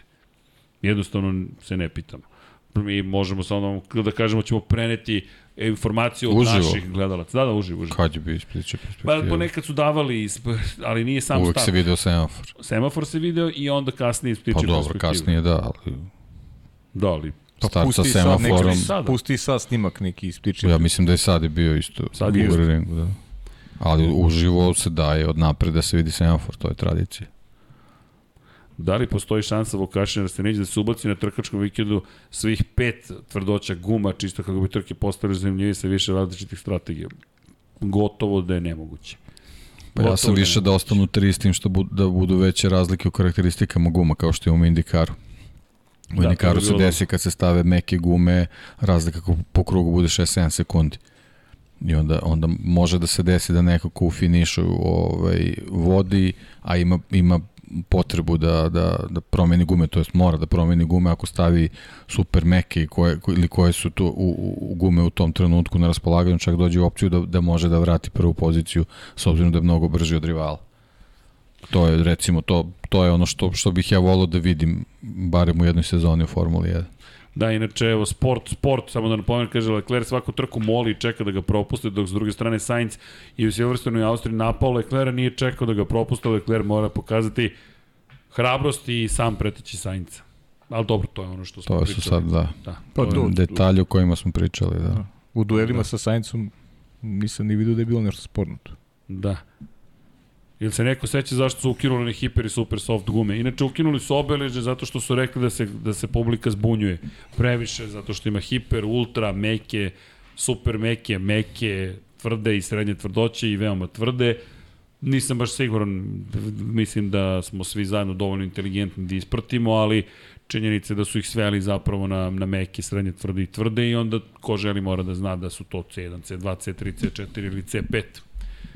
I tako, inače kažu pohvale što ste se prebacili na sport klub 1, više ljudi može da vas prati. Hvala. Pa, Ne znam šta bih dodao s tim što, da, To, je, to, to bira uredništvo sport kluba, pa da, mi tu se ne pitamo previše. Pa, da. Tako da znate, ali hvala. E da, Adela H. kaže, pohvale za Dina Biganovića. Da, Dino Biganović, da ne zaboravimo regionalnu formulu, vodi u regionalnoj formuli, to sam zaboravio da napomenem, a nije mala stvar u pitanju, momak koji je član inače Ferrarijeve akademije, tako da je lepo videti ga na prvoj poziciji, mi mu držimo palčeve, momak koji poreklo vodi iz Bosne i Hercegovine, vozi pod švedskom zastavom, Dino je u spas sada zabeležio pobedu i pol poziciju, u prvoj trci bio treći, u drugoj 220 poena, ima ozbiljnu prednost, 41 poen u odnosu na Gabriele Aminija, italijanskog vozača, Paul Aron je na poziciji broj 3 iz Estonije, i Dino za sada sjajno izgleda. Ono što je fascinantno jeste početak sezone za Dina. Prvi, drugi, prvi, drugi, drugi, prvi, prvi, drugi do diskvalifikacije u Francuskoj i potom nešto slabi rezultati u Holandiji i Mađarskoj i eto sad pobjeda ponovo i to ni manje ni više na Spa Frankušom, tako da veliki pozdrav za, za Dina, zaista izgleda trenutno sjajno i obično skok iz regionalne formule ide zapravo ka Formuli 3, tako da mi držimo palčeve da ćemo ga videti. Dino Biganović u ovom momentu vozi za Premu Racing, što vam dovoljno govori o tome gde bismo mogli da ga očekujemo narednih godina. Inače, uz Arona, klubski kolega mu je i sin Juana Pabla, Juana Pabla Montoya ili ti Sebastian Montoya, a tu je i Hamdal Kubayasi, tako da imate damu jednu koja se takmiči za Prema Racing, eto, čisto da, da znate da je u Premi, što vredi spomenuti, jednostavno Dino zaista u ovom trenutku izgleda odlično, Prema i vodi u tom šampionatu, u šampionatu konstruktora. Hvala za podsjetnik za Dina Beganovića. Momci, imate još nešto vi da dodate u celoj priči? Pa evo Vuk, ovaj, da. ima dva pitanja, na jedno se već odgovorio vezano za Red Bull, Honda 2025, Porsche i tako dalje, ali drugo je prošle godine Mercedes imao i, i malo veći zaostatak i vratio se pred kraj sezone. Da li mislite je moguće da se Ferrari vrati posle pauze? Eto, možda time baš da završimo. Da, pa ajmo time da završimo. Da. da li mislimo da Ferrari može da se vrati poput Mercedesa sledeće godine? Ja mislim da ne može. Može da se vrati da bude dobar, da pobedi još neku trku, ali da se vrati u smislu borbe za šampionsku titulu, mislim da ne može. Eto, kratko. Ne, nema šta dodati. Teoretski može, ali ovaj vezano za onu našu čitavu priču oko njihove organizacije i sa druge strane ogromnim iskustvom Red Bulla koji ima u, u takvoj situaciji mislim da je da je mnogo, mnogo teže. Upravo zbog toga što je Red Bull prošle godine imao situaciju da se Mercedes vratio pred kraj sezone. Tako da oni već znaju kako se, kako se to radi, to je kako se čuva ova, ova prednost. Da li može? Da li može Ferrari da se vrati? Jao, Ako je Nikola Latifi ili ti popularni Latifi bio najbrži u treningu broj 3, velike sve nagrade Mađarske, sve moguće, da. Ferrari može da se vrati igru. Bojim se Tako da je pajna analiza jedina ovdje je krajnje objektivna, ali... Ali ti ćeš biti optimista. Da. I promenit ćeš još jednu majicu, nećeš. Ne, ne, mislim da će ove limenčici ipak da ih pobede na kraju. Dakle, imamo i njih, imamo, ja mislim, sve u studiju trenutno, tako da znate, bojim se da su ovi ljudi prešli iz industrije energetskih pića u ozbiljni automobilizam. Zašto? Pa to je ono što je Deki reš, rekao, Porsche kupuje 50% Red Bulla. Ljudi, to je ogromna stvar. I kada pričamo o, o, o ovim ljudima, bojim se da znaju vrlo dobro kako da se zaštite na poziciji broj 1, tako da ukoliko ste navijač Ferrarija, ostaje vam vera. Tako je. I treba da verujete. Ja se zaista nadam da će Matija Binotto da izvede ono što sam mislio da će da uradi, to je StarCraft strategija, napravio sam bazu, malo mu je rupičasta trenutno odbrana, ali možda u te tri trke Belgija, Zandvoort, Monca, dobijemo čudo neko, Leclerc zabeleži tri pobjede za redom i kaže, ej, ovde ipak postoji neka igranka. Pa ja, mislim da pa ne, mi kao posmatrače bismo to i voleli, naravno. Rekao, naravno. naravno. Pa ja navijam za to, da, da, da, da bude dramatično do kraja, ali prosto ne verujem u to. A pričali smo s početka emisije o svemu, zašto ne verujem. To je... Vidjet ćemo, u krajnjem slučaju prijeće im pauza, verovatno svima. A i nama. A i nama. Tako da... Šta će vam prijeti? Jedva čekamo da se nastavi ovaj sezona, da vidimo kako će to da izgleda. Pa nema bo, bo boljeg osveženja od Lab 76, ali dobro. Mi, mi ćemo se družiti za par nedelja, Deki ti ja ćemo se družiti i družiti, jer počinje Moto Grand Prix, ali to ćete pratiti sutra, naravno. Ljudi, eto uz ove najave, da kažemo, ja verujem da će biti uzbudljivo u nastavku sezone iz koje perspektive? Pa, neke druge zapravo mislim da će Mercedes biti još opasniji nego što je bio, da će to doneti posebno, posebno uzbuđenje, zašto mislim da će Ferrari u jednom momentu, evo da, da vam kažem ozbiljno moju, moju analizu u celoj priči, Zašto mislim da će Ferrari biti u jednom momentu vrlo opasan? Zato što će postati već bitka izgubljena. I mislim da će se tu stvari opustiti, da će biti mnogo bolji nego što su bili do tada, jer to je tipična situacija kao prošle godine za Ferrari, u momentu kada nemaju više šta da izgube ili za šta da se bore, oni pokazuju najbolje. A bojim se da su došli polako li sigurno do toga. No, držimo palče će biti zaista svega i svačega do kraja sezone, da će Alonso potpisati možda ponovo za Ferrari ili promeniti još jednu majicu i ekipu. Šalim se, naravno, udrite like, udrite subscribe, a ja ću se zahvaliti naravno svima koji nas podržavate i pozvati vas patreon.com kroz Infinity Lighthouse, koji je u mogućnosti nama čak je besmisleno reći znači. Bez vas nema nas. Bukvalno, toliko je jednostavna situacija vi ste naši glavni sponzori i to je to. I kada se dopisujemo i sa korporacijama koje žele da se oglašavaju, čisto da znate, poruka je sledeća. Naš glavni sponsor je naša publika i mi nećemo da reklamiramo proizvode tek tako, zato što ako nemaju veze s našom pričom ili se ne uklapa reklama u priču ili bar ne možemo od toga da napravimo nešto smisleno, ne morate ni da se oglašavate kod nas. Tako da, to je neka naša priča, mi se nadamo da je vaša takođe i da uživate u ovome što radimo. Hvala u svakom slučaju, a posebno zahvalnost ćemo dati naravno i onima koji i odvajaju svakog meseca novac planski da bi nas podržavali. I iz te perspektive članovi na YouTube-u su, imamo i novog člana, eto to je zanimljivo videti u celoj priči. Dakle, Mortal Kombat Nikor 24, Vladan Đurić, korespondent, korespondent, Kosta Berić, Žarko Jovanović, Marakos, Dejan Ilijev. Inače da kažem, i oni koji odustanu od podrške i dalje vas volimo, sve je okej, okay, hvala vam za sve što ste i do sada uradili za nas.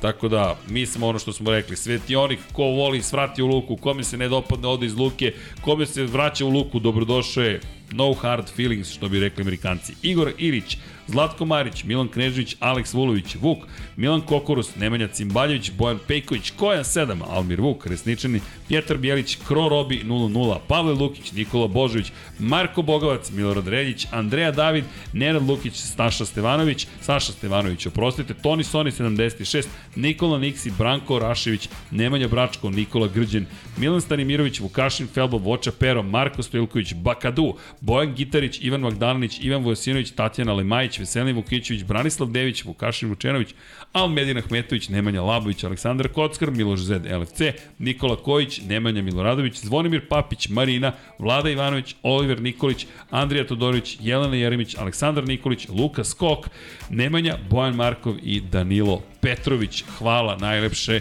šta drugo da vam kažemo, po milioniti put ćemo da vam se zahvaljujemo. Što se tiče Patreona, da ne kažem pokrovitelja, od sledećeg puta kada se vrati Fallman, nadam se da ćemo imati ponovo sve napisano na našem voljenom ekranu i da ćete imati priliku da vidite vaše imena, a imamo još neke tu ideje kako da vam se zahvalimo. Nikola Milosavljević, Marko Kozić, Šmele, Marko Petrekanović, Milan Apro, Branimir Rijevec, Andreja Nemanja, Jasmina Pešić, Matija Rajić, Zoran Cimeš, Danijela Ilić, Žđole, žena mi zna, Andreja Miladinović, Borislav Jovanović, Miloš Radosavljević, Crnogorski džedaj, Grgo Živaljić, Vlada Ivanović, Jugoslav Krasnić, Nenad Pantelić, Andreja Branković, Nebojša Živanović, Ivan Rečić, Andrej Bicok, Veselin Vukićević, Dimitrije Mišić, Ivan Ciger, Safet Isljami, Ivan Panajotović, Boris Erceg, Džigi Bao, Branislav Kovačević, Depressed Cody, Garbrand Fan, Aleksandar Jurić, Vladimir Filipović, Vladimir Petković, Vanja Radulović, Đorđe Đukić, Pavle Nj, Miloš Todorov, Emir Mešić, Andrija Todorović, Eltan,